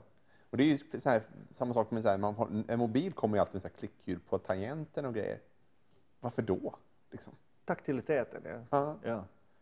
Människor tycker om sånt. Man vill ha en effekt när man trycker. ja men visst. Ja. Och, och jag kan tänka mig att det funkar likadant här. Ja. Man, man, man, som du säger, bildörren ska liksom låta på ett visst sätt. Har du och- spelat Angry Birds med ljud på någon gång? Ja, så, ja, det har jag gjort. Mm. Ja. Det är ju väldigt behagligt, liksom. tillfredsställande. Allt, allt rasar ihop. Liksom. Just det, just det, just det, just det. Jag tänkte mest på den här musiken som går. Äh, den får man ju ta bort då. Ja, Men, men du kan få ändå, ta bort musiken men håll kvar det här rasljudet. Problemet är att du får inte bort de här jäkla ljuden från de fåglarna. Whee! Just Så, det, eh, just så jag spelar tyst. jag har inte spelat Angry Birds på fem år tror jag. Mm, Jag var ju i var topp 300 i världen då när den kom. Jag Sådär. tillbringade avsevärda, Wow! Avsevärd fame to tid. claim verkligen. ja, verkligen. Att, Claim eh, to fame heter det kanske. ja, Mm. det fanns en sån här lista, alltså, vi var ju inte så många miljoner på den tiden som spelade, men det fanns en sån här topplista på, på vad Game Center vad fan hette det? Just det. som det där, där man kunde se var man låg. Och det där, ja, jag gjorde väldigt lite annat den tiden. Ja, ja, ja. Ett halvt år där. Liksom. Det var ju designat för att hålla en fast, så jag förstår det. Det var nog fantastiskt spel. Alltså. Ja. Nu har jag gått tillbaks lite till de här gamla, gamla banorna. Jag undrar hur, hur, jag kunde vara så fascinerad av det. Men att, Vet, vet du liksom hur de designade för att hålla Det fanns ju vissa, liksom, vissa grejer med det som var lite annorlunda än andra spel. jaha, Och en av de sakerna är att det finns ju ingen tidspress. det, det är härligt, är det Mm. inte? Ja? Mm. Du kan bara bli och hänga där. Liksom. Mm. Ja. Så, och det är det är väldigt speciellt. De flesta spel har ju någon slags grej att du måste göra på under en minut eller Ja, vad det är chasa för på dig lite. Ja. Ja. Men, men det här var verkligen designat att man skulle vara kvar och, och inte känna någon stress utan bara den här dopamin liksom, effekten. Ja. Den här rasen. grisarna som dör. jag vet inte om grisarnas död var det bästa. Det bästa är att få det här, det här raset av de här konstruktionerna. Liksom. Mm. Där du träffar på exakt rätt pixel med den här fågeln. Så, och allting bara rasar ihop. i ett sånt där. Och det bara kommer poäng och ju- Två nollor för mycket. Oerhört tillfredsställande. Åh herregud. Om vi håller oss i Tyskland nu. Mm. Ja, det tyska metallförbundet IG som eh, har uh, fyra miljoner medlemmar. Mm. Rätt stort fackförbund. Ja, det måste man säga. Fast man säger att fackförbundens tid är förbi. Det tror inte jag. Nej, det tror inte jag heller. Det är bara, det är bara skräpprat. Vet du vad deras nya krav är? Eh, nej. 28 timmars arbetsvecka. Oh! Jag går med i det här facket. Ja, just det. Hallå, ich bin Peter. Kan du mitt namn? Ja, 28 timmar, det vill säga 5,6 timmar per normal arbetsvecka eller 7 timmar per dag en fyra dagars vecka. Men det är trevligt. Sju Låter timmar väl bra. fyra i veckan tycker jag är ganska lagom. Ja. Ja. Och du kan ju tänka dig vi- vilken reaktion sånt här får i Finland, där, där vi nyligen har ökat arbetstiden. För att, på grund av konkurrenskraften. Vi ska göra konkurrenskraftssprånget ut i världen så att, eh, så att vi är attraktiva. Men tyskarna, de vet ju att det är liksom, de bygger bara de bästa grejerna. Och de behöver de här metallarbetarna. Jag tänker mig att det handlar om bilindustrin, det handlar om allt, allt sån här hardware. Allt sånt här det bygger. Det är ganska radikalt. Det är ju inte så här 36 timmar, utan det Nej. är 28 timmar. Men Frankrike har väl viftat med 30 eller eh, 35? Nej, men de gjorde väl det här... med- Ja, men eh, var det 30? Ja, något sånt där var det va? Ja, Precis. Det var ganska radikalt då också. Ja, och om jag inte minns fel så, så rullade de tillbaka det i Mm. relativt stor tystnad när de insåg att det var inte jättelyckat. Var det så? Ja. ja. Ja. Men ja, anyway. Hur, hur låter det här för dig då? Eh, Alltså, så, eh, konceptuellt fantastiskt. Jag är ju eh, jag är helt för... Eh, jag är en av de människorna som, som, som, som, som tycker att eh, man, man jobbar för att leva, snarare tvärtom. Och eh, om man kan på något sätt eh, få samma produktivitet för att bygga det här välståndet eh, med färre insatta timmar, naturligtvis. Jag menar, det är bara att titta på Eh, jag skulle inte vilja gå tillbaka till liksom så här jordbrukssamhället där man jobbar hela fucking tiden och inte hade en Playstation 4. Eller kol- kolgruvesamhälle? Liksom. Eller hur?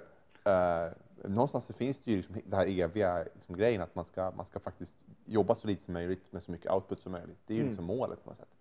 Eh, Så visst, fine, 28 timmar, asbra. Ifall ni, kan, ifall ni kan hålla det och samtidigt behålla lönerna så är det ju otroligt fantastiskt. Men där skulle jag kanske behålla mig lite skeptisk till om de faktiskt kan det.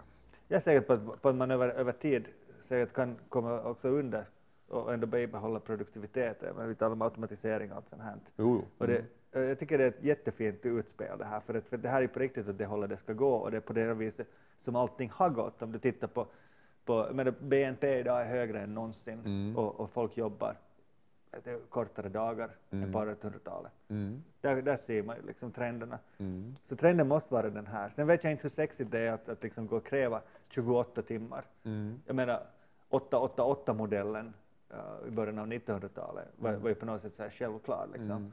Mm. Att det var jätte, jättelätt att, att, att, att det där, ja, åtta timmars arbetsdag, åtta, åtta timmar vila, åtta timmars sömn. Det, var inte, det, det, det fanns någonting, någonting liksom lätt att sälja där. 5,6 timmar per dag Alltså det låter kan- inte som en det- grej det- som är, som är lätt att Det sälja. man kanske liksom. kan invända också i och för sig, det är ju att, att det, det är, börjar kanske bli omodernt med att tänka just i den här uppdelningen av dagen. Mm. Alltså man jobbar åtta timmar, eller sju timmar för den delen, under ett visst antal dagar. Och, resten av tiden jobbar man inte. Medan fler och fler jobb, har ju en annan verklighet. Sen kan man absolut diskutera om det är bra eller dåligt att människor inte riktigt längre har en gräns mellan jobb och fritid. Var, var går det någonstans? Liksom, är man på arbetet nu, Mm. telefon ringer, eller du kanske sitter och jobbar någon annanstans. Det blir vanligare och vanligare att man jobbar på det sättet. Och, och man kan ju också hävda att, eh, att människor borde snarare jobba i en slags gigekonomi där man gör, man, jobbar det, man gör det man ska på den tid man, man har. Och om det tar två timmar eller åtta timmar är inte så himla relevant. Den, idén är att man ska liksom få ett jobb gjort. Så här, så här sägs det på, på vår firma nu för tiden, att, Ja. att, eh, att vi räknar inte timmar, vi räknar resultat. Ja, liksom. men det är ju också, man kan ju Det vända betyder på att man ska det. sitta och- och- 12 timmar då. Ja, men precis. Och, menar, ur ett fackligt perspektiv kan jag se att det är hotet. Ja. Att, att arbetsgivarna plötsligt säger att nej, men vi, vi räknar inte timmar längre, Ja. utan vi räknar output. Vi lägger bara jättestora resultat. Exakt. Ja. Och, och, så, att- så att jag tycker att det är en jätteintressant diskussion. Och, och, Men nu talar vi om eh, kanske olika branscher. Det här är liksom industrin och produktionen. Absolut. Grund, grundgrejer och sånt här som, som, det där, som verkligen måste sättas ihop. Liksom, Såklart. och som måste svetsas och, Såklart. och byggas. Och så här. Så, och, eh, Och det finns ju andra branscher där det kanske inte är så lätt att liksom, en lärare kan ju inte bara, "Nej, men jag jobbar två timmar idag. Liksom, nej, det är sant. det funkar inte riktigt så. så Men vissa branscher är lättare att kvantifiera. absolut. absolut. Undersökningar har visat också, nu har jag ingen källa att, att hänvisa till, men det brukar inte hindra oss annars heller, visa att, att äh, längre arbetsdagar sänker den relativa effektiviteten. Så måste det ju vara. Så måste det vara. Ja. Ja, det är inte så att du, att du liksom, ja, nu ska vi jobba tio timmar, så då får du liksom ännu mera gjort. Det vore jättekonstigt i det var en progressiv kurva. Det vore, Då är det absurt ju. Eller- Om man jobbar 15 timmar, då kan du göra 30 timmar. Bara fortsätt bara så länge Men det du måste ju finnas en sån här ett gränsvärde någonstans för, för att eh, du kan inte heller öka den relativa effektiviteten genom att förkorta dagen in i det oändliga. Nej, Så vad, vad ligger det optimala då? Det är väl det som vi söker nu. det söker man ju. Ja. Ja. Det finns ingenting som, som eh, tydligen har det inte gjort så mycket undersökningar om, om hur det motsatta stämmer, det vill säga att, att den relativa effektiviteten, höjs om vi bara förkortar. Det Men säkert det finns väl från Sverige åtminstone liksom kvalitativa resultat på det här. Var det, vem var det? Var det Volvo eller Renault alltså som, som införde sex timmars eh, pass? Det låter som något som Volvo skulle kunna prova faktiskt. Ja, Ja. Så, och, och, och resultaten lär ha varit ganska, ganska bra för att eh, det är väl ungefär den tid som människor överhuvudtaget orkar jobba. Just det. Jag menar, man vet ju med sig själv, du har liksom, vad är det vi ska sitta på kontoret, sju och en halv timme Mm. och så får man en halvtimme lunch och då får man liksom jobba mellan 9 och 16.30 eller 9 och 17. Va? Mm. Och, men men hur, mycket, hur mycket av det är på riktigt effektivt? Liksom? Mm. Fyra? Det är ju, jag tycker det är hyperkomplext. Jag menar, det finns ju de som har tagit det här, eh, faktiskt infört till exempel sex timmar pass och säger att nu är det det vi gör. Eller fyra timmars pass för den delen. Eh, men sen så lägger man också det på två, typ mellan 8 till 12 och sen 16 till 20. Det skulle jag vilja ha. Ja, eller, det kan man, vissa vill säkert ha det. Siesta-kulturen. Men, men samtidigt så vad det gör det är att det, det, liksom, det räcker hela dagen. Alltså du kan inte göra så mycket under fyra timmar emellan heller. Men om man älskar sitt jobb så behöver man inte göra så mycket. Ja, men det gör vi ju alla, eller hur? Det är ju därför facken finns, för att alla älskar sitt jobb. Så, så jag vet inte, det, jag tycker att det är hyperintressant och det skulle vara intressant att följa det här faktiskt, det här 28 timmars kravet. Det lär ju inte gå igenom som sådant, men Nej, men, men det, jag tycker det, det är fint att, att, att man tar en sån här liksom stance, för det här öppnar just den här frågan om, om effektivitet. mm, Som, som i Finland alltså sköttes så ingenjörsmässigt som bara är möjligt med det här konkurrenskraftsprånget som skulle göras för två år sedan, mm, som Sipilä drev igenom med våld. Människor måste jobba en kvart längre per dag, visst var det så? ja, det där måste jag säga, det, det, är väldigt, det känns väldigt omodernt. What the fuck? Ja, det, det måste jag säga, det är liksom, okej, fine eh, om, om vi jobbar på så ackumulerat mindre sammanlagt, fine, det vill kanske betyda någonting, men, men, att, men att människor ska jobba längre. Det är samma sak med det här att man säger så här att när vi ska höja pensionsåldern, man säger men okej, så det finns färre jobb, vi ska jobba längre dagar och jobba längre rent, Ja. liksom, i livet.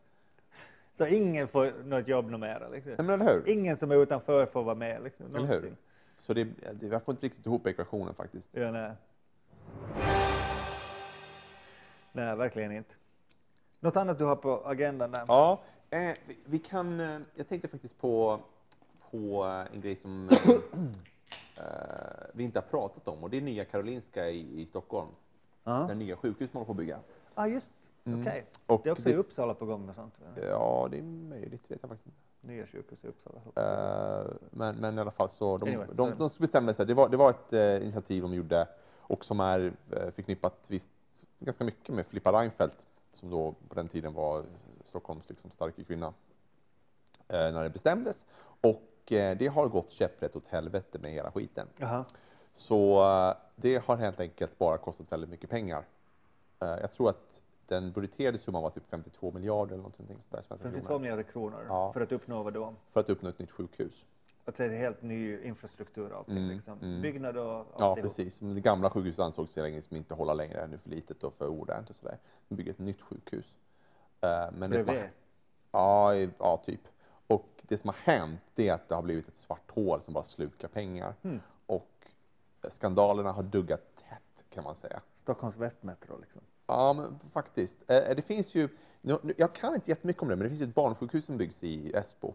Mm. Som jag också har hört att haft väldigt stora problem. Till exempel att de har haft problem med eh, de har köpt in utrustning som visar sig vara felaktig utrustning till exempel. Det låter Eh, som metron där, är du säker på det, det är inte... det, nej, men du vet, så här, du vet alltså liksom enkla grejer som typ att ja, men vi skulle köpa in en viss utrustning och det skulle vara vissa hyllor under. Men de här hyllorna är fel mått. Så vi får liksom köpa in helt nya. Alltså verkligen så här, mycket sån skumma grejer. Nya Karolinska är det fast gånger typ tusen. Okej. Där man typ har haft, ehm, de har hyrt in så konsulter som skulle ha en helt nytt sätt att bedriva sjukvård på. Eh, Boston Consulting Group är det då som de har anställt eh, för detta syfte. Och de har fått in så konsulter som har skickat räkningar. Dels så har de skickat fakturor på sitt jobb Vilket har resulterat i typ att så juniorkonsulter kommit in och dragit in 700 000, eh, eh, förlåt, eh, 700 000 om året ungefär i, liksom bara i räkningar. Eh, och inte kan sen liksom redovisa vad det här egentligen är för någonting. Vad har de jobbat med? Gott omdöme. Eller hur? Eh, de har byggt badrum som inte är så här sluttat golv. Mm.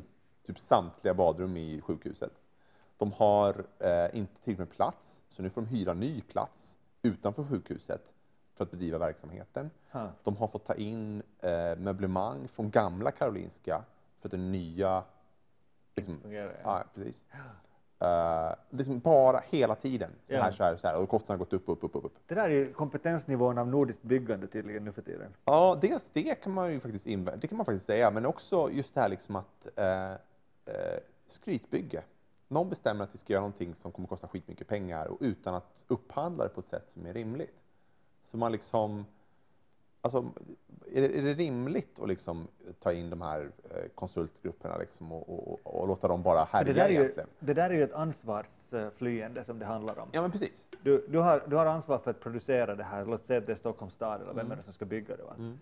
Men det, det är ju ingen som har någon kompetens där, det är ju bara liksom tjänstemän tydligen. Såklart. Vem, vem kan bygga ett sjukhus? Liksom? Mm. Så, så du hyr du ut, vet du, ut, ut outsourcar ansvaret på Boston Consulting. Mm. Eller som med Västmetron i Helsingfors och Esbo till eh, ett svenskt bolag som heter Swecon, Mm. också konsultbolag. Mm. Som, som liksom, inte, kan de ju heller Nej. någonting, Nej, helt tydligt. nej. Men åtminstone, vet du, de får betalt för att ta skiten. Mm. Det verkar lite så här. Eh, Jag tycker det är alldeles tydligt, det är så som man bygger nu för tiden. Mm. Och sen får du att fortgå, fortgå, fortgå och du får mer och mer, mer liksom offentliga medel in i privata sfären. Mm. Det är liksom, jag kan inte se någon annan, Mm. jag kan, inte- jag, jag kan inte se någon annan orsak till att det har gått på det här viset. Mm. Än menar, det är så här man tänker. Det finns oändligt med pengar i, eh, i skattekistan. Mm. Så vi kan bara liksom, vi startar det här projektet, utlokalisera ansvaret, så kan vi bara låta det pågå och pågå. Det är vad som hände med Västmetron. Mm. Och samma verkar ju hända i Karolinska nu. Då. Absolut, absolut. Det, det, eh, det, det, verkligen, det går inte en dag känns det som utan att det kommer nya nyheter därifrån som är så här. Ja, när de en gång börjar hitta dem så liksom, Ja. nu börjar det falla ihop hela Ja. där. Och så har det varit mycket så här, det varit så här korruption, du vet, fel människor har varit inblandade i fel upphandling och Ja. någons fru har varit inblandad i fel beslut och så där. Så det, Men det det, är fina liksom- med konsulter, det är ingens fel. Men det måste ju finnas ett rätt sätt att göra det. Men jag tänker så här, finns det inga goda exempel? Finns det ingenstans där det har lyckats? Eh, Eller är det så här det är? Liksom? Ska, man, ska man liksom ta det på det här sättet? Det är, om man går till så här biblioteket som byggs i Helsingfors just nu. Om man börjar vända på stenarna där kommer man hitta exakt samma sak. Mycket sannolikt. Ehm, och så, så jag menar, för det, då känns det som att nej, men då, då är det ju hela, hela systemet är fel tänkt. Liksom.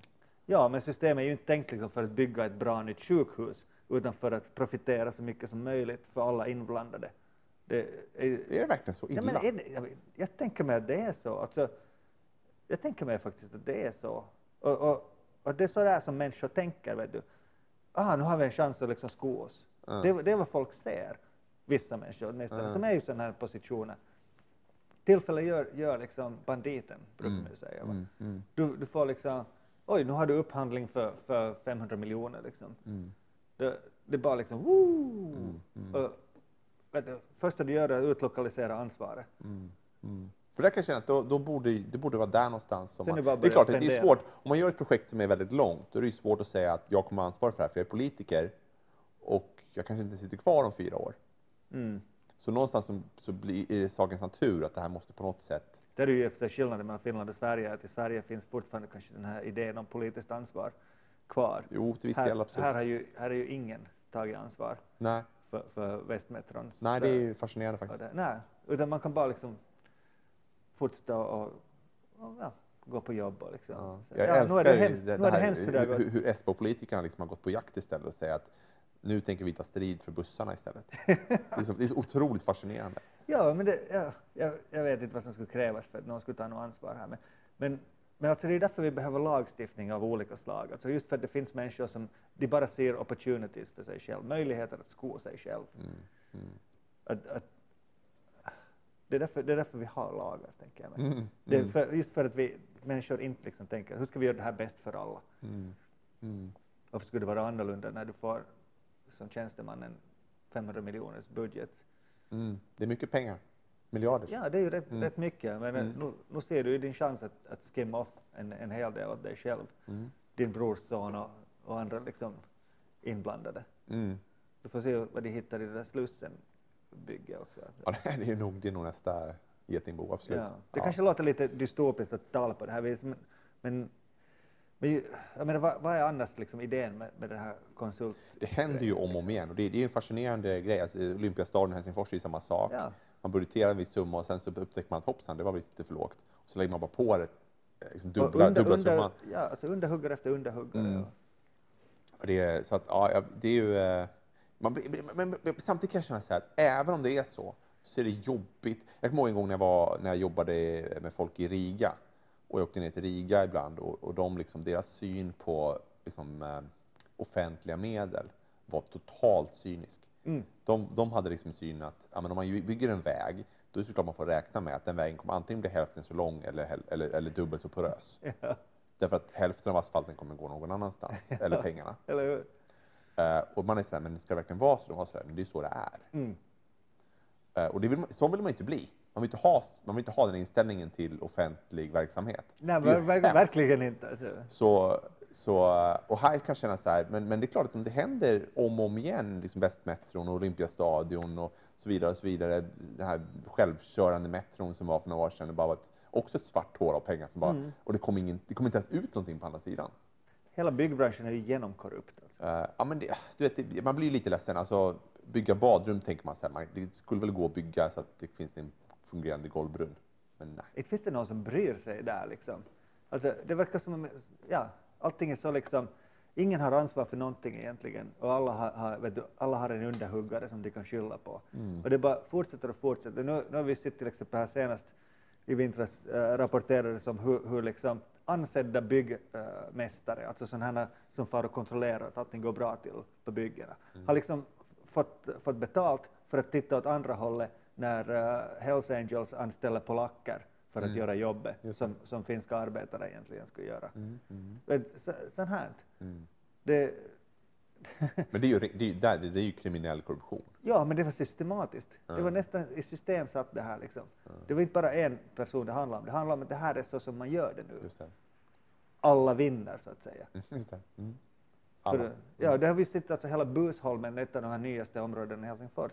Stort jäkla bygge, alltså vi talar om tiotals jättestora hus, Mm. närmare hundra, med, för, för 20 000 personer eller Mm. sånt här. Varje dag känns det som att det kommer nyheter därifrån också, vet du, att någonting har fallit ner, Mm. vet du, någonting inte fungerar och, och, och det var något hus som, som redan har börjat mögla efter att ha stått där i två år. Liksom. Mm. Och det, ingen bryr sig. Mm. Ingen bryr sig. Bara, så länge man får liksom lite snabba pengar i fickan så kan man sen försvinna och byta namn eller något sånt. där. Mm. Eller få ett jobb någon annanstans. Mm. Mm. Ursäkta min cynism. Det är säkert, det är säkert inte så här illa. Ja. Men, men uh, I don't know. Ska vi, Jag tror inte vi, att det är eh, mycket bättre. Ska vi, ska vi byta från... jag en annan grej? Eh, Om vi byter från cynism Ja, till, till eh, eh, Naivitet. naiv eh, hopp, hoppfullhet. Ja, jag hoppas Ja. att du skulle säga det. Ja. Och jag vill inte låta cynisk när jag säger det. Bra. Ja, men eh, de... Eh, det är fyra medieföretag i Sverige. Eh, SVT, Sveriges Radio, Dagens Nyheter och Svenska Dagbladet ska starta en gemensam sajt för att faktagranska nyheter inför valet 2018. Så att de ska helt enkelt, eh, om man gör det väldigt simpelt, eh, ju- försöka hitta fake news. Ja. Det finns någonting i Sverige som heter Viralgranskaren, som är ju Metro då, och den här eh, Jack eh, Werner heter han va? Som, som har varit väldigt drivande på det och som går ut på att försöka liksom gå till botten med ofta så virala videor som typ ska visa någonting. Eh, vi pratade ju för ett tag sedan om den här videon som var eh, supposedly från Sverige på nyårsnatten, men som visade vara från Algeriet. Eller hur? Ja, en ja. typisk sån grej. Just det. Där han går in och gräver ut och säger att Nej, men den här videon är från 2007, och den är från Algeriet. Och det här är viralgranskaren som gör det här. då. Precis. Och jag kan tänka mig att det här är något liknande då, att de här vill gå ihop och eh, försöka helt enkelt göra en liknande grej. Eh, och eh, eh, det här har inte ta- det, det har varit väldigt delade eh, reaktioner på det här. Ska de, de största eh, redaktionerna i Sverige verkligen samarbeta och leta fel på det här sättet i mediebranschen? Är det inte liksom deras uppdrag, och nu talar jag då som deras kritiker talar, är det inte deras uppdrag att eh, snarare göra sin egen grej och, och även granska varandra? Svenska Dagbladet borde granska DN, inte granska med DN. Okej. Eller SVT för den delen, eller Sveriges Radio. Typiskt svenskar att alltid hitta problem i så här Ja, det kanske man kan tycka faktiskt. Det, det, vi gillar ju att diskutera som bekant, så det kan ju vara så Jag enkelt. tänker på den här tårtan som ingen ville ha när ICA fyllde 100. Eller? Ja, det var jätteroligt. Gud vilken rolig. Ni får tårta, men finns det inget tårtfritt alternativ? Jag vill gärna ha mediegranskningen, men inte av de här människorna. finns det något faktagranskningsfritt alternativ helt För faktagranskning, ja. Eh, men, eh, men, men och det här, återigen, väldigt mycket diskussion har jag läst om det här. Att, att eh, många som tycker att nej, men det, det här är en, här är en slippery slope där, där de här sätter sig på så höga hästar att de dels då gör någonting som de, som de borde göra ändå och mot varandra. Mm. Och dels eh, gör någonting där de riskerar att vid minsta misstag Hänga ut den. ja, inte hänga ut någon, men kanske hänga ut sig själva. Så tänk dig då att det skulle hända någonting, eh, något högprofilerat händer. Och de här fyra går in eh, och faktagranskar det och har fel i så här september 2018. Mm. Ja, men då vi, har vi en debatt om det istället fram till valet. Eh, och och Okej. ehm, eh, kanske är måla fan på väggen, vad vet jag. Men, eh, men eh, det är i alla det fall... eh, Det, jag, kan tycka det intressant. Jag, kan, jag kan tycka att det är ett intressant initiativ. Det ligger ju väldigt i tiden att liksom gå in och säga att eh, vi, tänker, vi tänker att jobba mot eh, fake news. Eh, vilket ju kommer vara en grej inför valet. Det är ju alla medvetna om. Det är inte så att det självklart kommer det cirkulera. Om man tittar på det amerikanska valet, då var det liksom, majoriteten av nyheter på Facebook var liksom, som blev delade Ja. var ju falska. Ja, och det här är ju faktiskt något som kommit fram först nu Mm. och som, som Facebook börjar erkänna först nu. Ja. liksom. Att, att det på riktigt var ett problem. Ja. Och det är intressant det där. Det var ju faktiskt Apple, vad heter han, Tim Cook heter han va? Mm. Apples VD. Han gick ut och sa att, eh, det har konstigt uttalande för sig, han sa att eh, jag tillåter inte min brorson, han har inga barn själv då. Jag tillåter inte min brorson att eh, vistas, att, att vara hur mycket han vill på, på sociala medier. Nej. Som att han skulle ha någon makt över sin brorson. Jag förstår inte det alls. Men oavsett så, så eh, om han går ut och säger en sån sak så betyder det ju någonting. Det är ju alldeles klart, ja. Så, så att visst, självklart, det finns ju där och det kommer ju finnas där och jag tycker han tycker att det är hälsosamt att det uppmärksammas.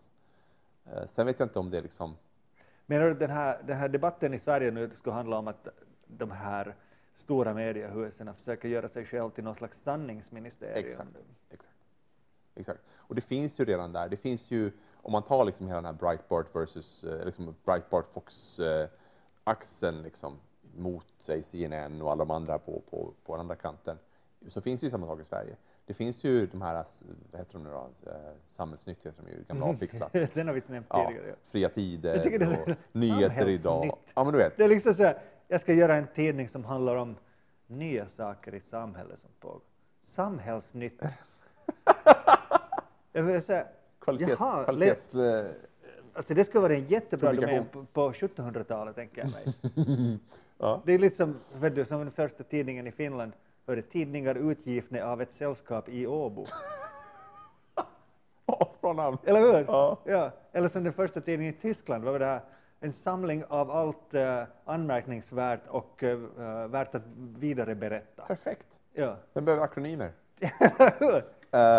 Eh, och, eh, men, men du vet, men det, så den axeln finns ju i Sverige. Det finns ju där nyheter idag, du vet, de här tidningarna som försöker slå sig in som någon slags alternativ media. Mm, Och, eh, och jag tycker jag har fått rätt stor spridning. Samhällsnytt. Förlåt, men det är så gulligt alltså. Nej, visst är det? Ja. Och, och, eh, och sen har du då de här gammelmedia då, som de kallas eh, elakt. Eh, mainstream media. Det finns ju i Sverige också. Mm. Och, och, och det här är ju typiskt då, eh, och inte minst då SVT som ju alla vet är en eh, marxistisk kommunistisk organisation. Oj, Ja, så um, är judarna där också? skulle inte förvåna mig en sekund ifall de också styr det. Mm. Så, så det, den motsättningen finns ju där. Eh, och, och det är ju inte längre en fringe-åsikt. Mm. Det är ju ganska, det är ganska många som tycker så. Är det faktiskt så? Ja. Absolut. Är tidningsprenumerationen för dyra nu då, eller vad är det handlar om? Ja, men det, ja, det är ju en annan aspekt av det, absolut. Det, är ju, det, är ju, det skulle man kunna diskutera länge om, det här att om man går in på det nu så är i princip uteslutande så att man möts som betalvägg. Och att det kanske är ett litet demokratiproblem. Att, det kan bli att, eh, att nyheter blir en, liksom en, en fråga om du kan betala för det eller en inte. lyxvara. Ja. Ja. Förvisso finns ju då SVT till exempel som är Mm. gratis naturligtvis. Och, och, och, Men de eh, ljuger säkert också bara.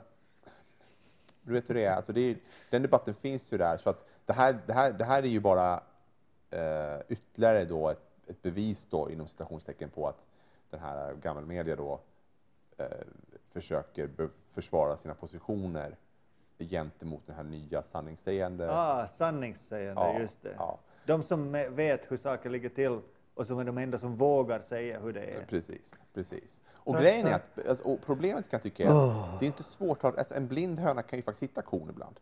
Så att du har ju Mm. liksom, såklart finns det saker som står i de här tidningarna som sanna. Per, alltså i den, i den meningen att det har hänt.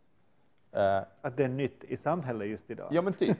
Och, och såklart finns det situationer där, där eh, jag menar, du kan ju ta Trumps, liksom, det här fake news award som kom nu. De grejerna han listade, de här tio första grejerna han listade, Ja. många av dem är ju rätt stora övertramp, alltså saker Ja. som faktiskt inte stämde. eh, där de här stora organisationerna faktiskt haft fel och kanske till har och med har... ihop den listan. Ja, men det är väl någon gök där. Säkert Miller. ja.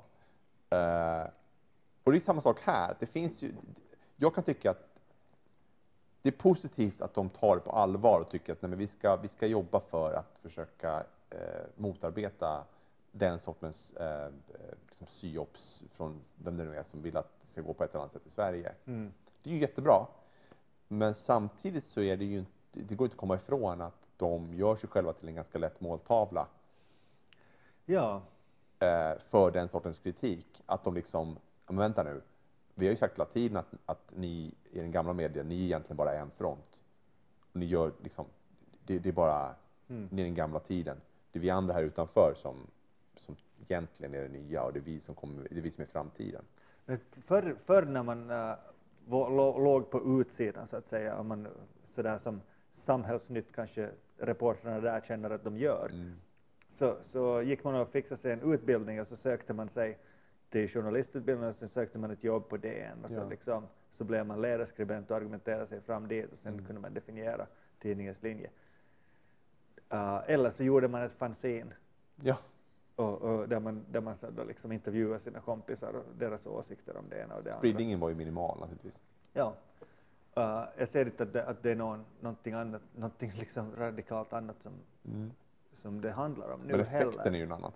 Effekten kan, kan alldeles bra vara en, vara en annan, men, men uh, var liksom tyngdpunkten i, i, i debatten ligger och ska ligga tycker jag fortfarande helt, helt samma. Mm. Alltså de här fringe-åsikterna och sånt här har inte blivit liksom mer sanna Mm. bara för att de har ett större genomslag nu. Mm. Och, och deras liksom anspråk på, på uppmärksamhet har bara blivit mer fräcka. Liksom. Mm. På något sätt uh, likställa, alltså, bara för att jag har en idé så måste alla lyssna på den, liksom, den här idén. Liksom. Mm. Då, den här idén om att du måste pröva dina åsikter och se liksom vilken, hur du kommer fram, på vilket sätt ska du tala och sånt här. Mm. Så, så jag menar, det, som, det som gjorde att, att, att människor som på riktigt kan uttrycka sig och som har liksom välformulerade åsikter och tankar, att det var de som, som vi hörde av Mm. och, och fortfarande gör. Det är inte, det är inte någon slump liksom. Det är inte, det är inte konspiration av, Nej. av de marxister och judar Mm. som gör att, att eh, re- tidningsredaktionerna ser ut som de gör. Det här är ju människor som har sökt sig dit, Mm. varit kompetenta för jobbet Mm. och, och sen liksom hitta en ton som, som tilltalar människor. Alltså. Mm. Det, den här, det måste vara jättesvårt och tungt att vara en av de här just SD eller eh, Sannfinländarnas liksom, jag skulle säga, språkrör. Du vet i ditt sinne att du har rätt, du har, liksom, du har alltid haft rätt Mm. och du är den enda som vågar säga det. Mm. Och, och, och alla andra har fel, men de, liksom, de är bara för fega och sånt här. Det, det här, liksom, den här. Om det finns en, en, en på riktigt, ska säga, en frontlinje mellan den här gammelmedia och de här nya som du talar om nu, Mm. så tycker jag inte att det är någon fråga om på vilken sida liksom, man ska stå. Ah, nej, nej, det tycker inte jag heller. Absolut inte. Jag, jag tycker att, det är ganska Och enkelt. kritiken mot, mot det att eh, tidningarna vill faktagranska sig själva och varandra och, och, och, och jag menar fringepressen däromkring är ju det är något vi ska applådera. Det är ett jättefint initiativ det här. Så jag tycker att alla som kritiserar det här kan nog fundera på varför de gör det. Om det inte bara för att vara liksom för kritikens skull. Så jag, jag, hörde inte ett enda vettigt argument i något av det här. Mm, mm. Nej, nej, jag kan väl också tycka att... Jag tror också att det är mer bra än dåligt i alla fall. Och, eh, Kanske talar självklarheter här nu, men det, nej men alltså vad fan, det, det är ju det är inte helt... Alltså, vi får liksom inte tappa, tappa eh, vet du, ur sikte det här. Vem som är seriös och allt det här. alltså min, min, mitt främsta argument mot det här gamla mot det nya är ju att det finns ju de flesta tror jag som följer nyheter på nätet i någon utsträckning har ju förmodligen läst nyheter i fler tidningar nu än de gjort någonsin förut. Mm. Och det finns ju massor med, även om de inte är nya publikationer så är de i alla fall nya för mig. Eh, liksom, när skulle jag ha läst någonting i Eskilstuna-Posten liksom, för 10 eller 20 år sedan? Det finns ju absolut ingen skäl för mig att göra det. Idag så kan jag läsa fantastiskt bra artiklar därifrån tack vare någon liksom duktig journalist eller kanske någon duktig redaktör. Ehm, och de får en, en helt annan spridning. Affärsmodellmässigt vet jag inte om det håller för dem, liksom, men, men jag tycker liksom att det går alldeles utmärkt att utmana de här stora tidningarna med, med kvalitet, med riktig journalistik. Ja, man kan Eh. utmana dem med, med kvalitet, men du, du ska inte börja utmana dem med dumheter. Exakt. Det är det som är grejen. Exakt. Eh, och, och någonstans finns det ju fortfarande, det finns ju ett jättevärde tycker jag fortfarande i att journalister faktiskt eh, går att hålla, alltså ställas till svars. Journalistik handlar inte bara om att liksom berätta vad som har hänt. I den meningen liksom att så här, någon så här nyheter idag-artikel där man bara berättar, titta haha, någon ramlade och slog. Alltså, vad, vad, vad är det liksom? Någon gjorde någonting. Det är ju ointressant. Vad månne är nytt i samhället idag? Jag kan inte komma förbi det här är ledsen. Du får ge dem bästa, bästa, någon slags pris sen, bästa nya namn. Jag, jag har bestämt mig för, för att inte ta, ta liksom skräp på allvar i Mm. år. Det är ett av mina, mina det här löften. Jag, tänker- jag tänker inte, vet du, jag tänker inte längre liksom tillbringa tid med att fundera på huruvida, no, men kanske det är något bra med Trump, vet du. Eller, eller det här är nog säkert jättefräscht att vi får in en massa liksom, så här nya medier som, som kommer med sina egna åsikter. Mm. De kanske inte alltid har rätt, men de är säkert en fuck that. Ja, Jag vill, jag vill ha det, det, liksom det anständiga samhället tillbaka nu. Just Jag det. tänker arbeta för det. just det. Jag, det, ingen, jag tar ingen skit längre av det här. Liksom. Vet du, de som försöker luckra upp allt det som är värdefullt. Nej. Det är bra.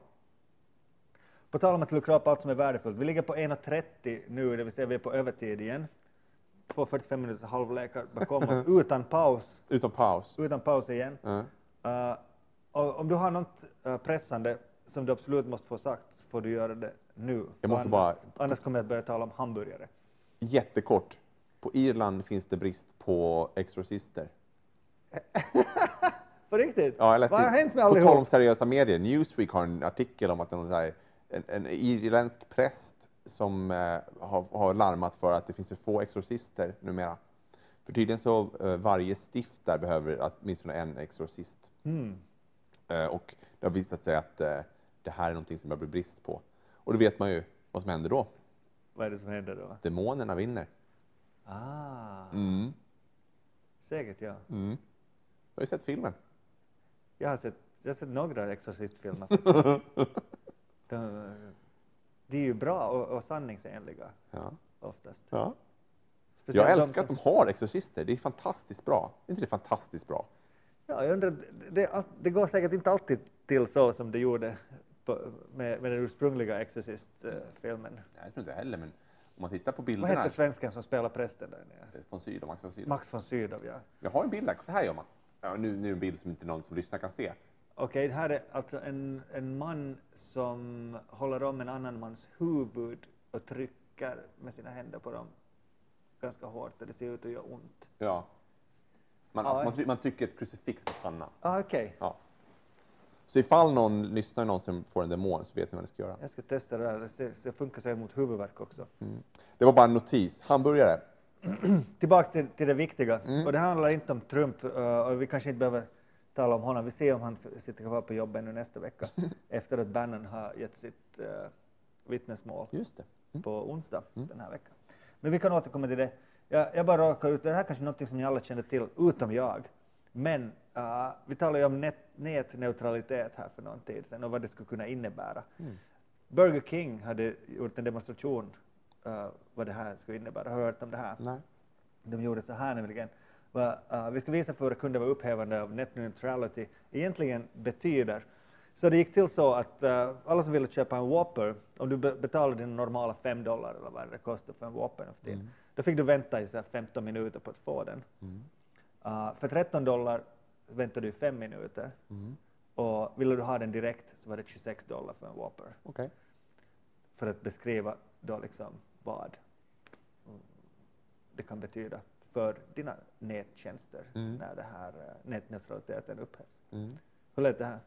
Eh, Populistiskt eh, ja, nej, alltså för det första undrar jag vad, vad Burger King har med nätneutralitet att göra överhuvudtaget. Ja, de har ju tagit en massa sådana här aktivistkampanjer som marknadsföringsskojar Okej. under senaste tiden. Okej. Antimobbning har varit en grej. Det kan De grundade en egen kryptovaluta. Just det.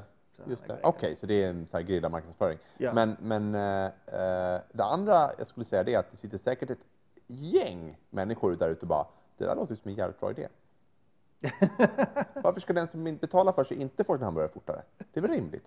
Jag väntar ju redan nu när jag går in på fucking fast food. Jag går till McDonalds och, och vill, ha, vill ha en. Jag går inte ofta till McDonalds, men när jag går till McDonalds ja. så säger jag så, okej, ja, jag tar en dubbel, dubbel cheese to go. Just det. Och så, ja, så tar de betalt och sen säger du, det tar fem minuter. Bara, "Vad- är det här för fast food? Just det. Bara för att de inte liksom orkar med det här wasten. Just det. Men så, så funkar ju allting annat i samhället. Om du, alltså, du får bättre service ifall du betalar mer pengar. Hmm. Varför inte just på Burger King? Och det här men poängen var ju här att visa att de med flit gör servicen sämre. Om du betalar mindre pengar. Genom, genom att du, fast du betalar det normala. Just det. Just det. Sen, Ja, alltså, jag, jag sitter här och raljerar. Jag, jag menar alltså, jag håller inte med om det här. Jag håller med dig helt. Och det är ju det är, det är, det är så det är. Alltså, eh, det är ju hemskt. ja, ja, Va- Varför kan man inte, det här är ett stort problem med kapitalistiska samhälle. Okej. Man kan inte äh, tvinga företag att göra sitt bästa. nej, men man kan inte gå dit. Man kan, man kan, in, man kan inte äta där. Man kan inte tvinga företag att göra sitt bästa. Man kan inte tvinga dem att sy de bästa tröjorna. Jo, De- om man, de- om man inte, jo, i alla fall teoretiskt kan man ju inte köpa deras tröjor för de gör det. Hmm. Men det blir så jävligt dyrt sen igen. Jo, så är det ju. Men gör de faktiskt sitt bästa för det priset som... Nej. Nej, det är väl, det är väl känt så länge, den här kla- klassiska glödlampskonspirationen. Eller hur? Ja.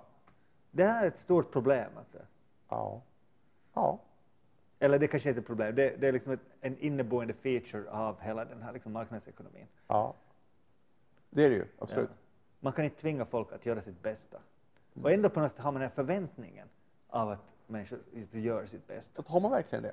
Har om vi, man inte? Om vi går tillbaka till IKEA igen. Ingen förväntar sig att IKEA eh, gör sitt bästa i den Jo, meningen. för Ikea gör sitt bästa i att, i att eh, packa ner det här så, så uh, icke skrymmande som möjligt, Ja. den, här, den här varan. Ja. Att, att eh, fixa det med så få rörliga delar som möjligt. Ja. Och att den ska vara rätt snygg, de åtminstone sträva till det. Ja. Där finns en sån här ambition som jag köper av, av att Ikea gör. Okej. Det, det kanske inte stämmer överhuvudtaget. Jag ser ett blåst ja. Som alla andra. Okej, men då får vi helt enkelt strida om definitionen på det bästa. Ja. Det bästa ur vilket, ur vilken Pri- eh, riktning? pris genom kvalitet. Okej, men den kommer ju alltid vara en glidande skala. Du menar inte att vi kan definiera det? Nej, jag menar bara liksom att, alltså, jag vet inte, okej, så, så du menar att IKEA gör sitt bästa? Jag menar att, att, att eh, du ska... Okej, ta de här jävla glödlamporna då. Ja. Så, så om, om du på riktigt lägger en tråd dit som du vet att kommer att gå sönder. Ja. Eller de här printers, om du på riktigt har ett sånt här chip Ja. som går sönder Ja. efter tusen uh, Nej, då är det mer medvetet eh, ja. Det, det, är det, är här, sabotage. det, här är, det här är ju ti- tillåtet, det här är inte förbjudet. Nej, Och det kanske man kan tycka att det är ett problem. ja, det kan man tycka. Och då kan man tycka att net neutrality också är ett problem eftersom Ja. de erbjuder sämre service än vad de kunde för den pris som det kostar att producera. Ja, det så, så kan man absolut säga. Mm. Absolut. Och där Eh, ska väl då konkurrensen komma in som en korrigerande faktor. den här osynliga handen. I teorin är det ju så ja. Ja. Men i praktiken så, Så, om, så gör alla likadant sen. och i USA då där det inte finns några fler alternativ, det finns bara en operatör. Mm. Vilket gör att om du bor ute på landsbygden någonstans i mellanvästern så kommer du liksom an, antingen vill du ha internet eller inte internet. Och då får du köpa det internet som finns. Är inte roligt hur, hur de här kapitalistiska förespråkarna ibland tycker att det är jättebra med konkurrens och ibland inte alls. Jo men alla ideologier har ju den har ju inkon- inkonsekventa. Det tycker jag så är det ju jämt ju. Mm. Alltså, jag, tycker jag tycker även, alltså, vänster, höger, upp och ner, alla landar ofta i så här, just i det här fallet så är det bättre att tvärt- tvärtom. Liksom. Så om man är grön så, så, så är det fel att alla andra flyger utom jag som kan åka till Indien. Då, liksom, Men det år. var ju precis nu i veckan ung, och Miljöpartiets alltså, gröna ungdom i Sverige, deras språkrör, som, som flyger hur mycket som helst. Antagligen för att göra världen bättre som Bono. Och, och skyllde det här helt fantastiskt på patriarkatet. Magiskt. Det, det, ska jag, Får jag rasa mot en sak till innan vi avbryter? det tycker jag vi gör. Burger Kings jävla kösystem. Vad fan är det? Mer reklam för Burger King. Ja, men alltså, Vad har, har de har, för kö- kösystem? de har ju ett kösystem där man, eh, man står inte i kö och väntar på sin tur, utan man, man köar och sen beställer man och sen får man liksom en, en eh, eh, vänta igen genom att man går och hämtar dricka själv medan man väntar på hamburgare till exempel. Så de liksom, de liksom tar orden i någon slags weird jävla icke-ordning och sen så liksom samlar de ihop allting en stund och man får liksom stå och vänta igen. Så man väntar två gånger. Ah, Eh, eh, eh, och ifall, ifall någon lyssnare tycker att det låter som en bortskämd tönt, så fine. Jag tycker det här, det, här, det här är min barrikad. vi borde kunna tvätt, tvinga dem att göra sitt bästa. Här. borde tvinga dem bort från kösystemet. En vanlig kö, tack. Låter som, som uh, Sovjetunionen på 80-talet. det där. Ja, det är bra. Där var det också mycket, mycket köer. Precis. Burger King i Moskva 1985, något sånt där vill vi ha. Jag tycker det är alldeles utmärkt, som Mm. USA har blivit som Sovjetunionen nu. Eller hur? Ja. Hälsningar till allihop där ute. Ja, Vi Tack. packar ihop för idag. det gör vi. Tack så mycket för att ni lyssnar. Ja, stort tack och uh, hör gärna av er. Det gör ni. Ciao!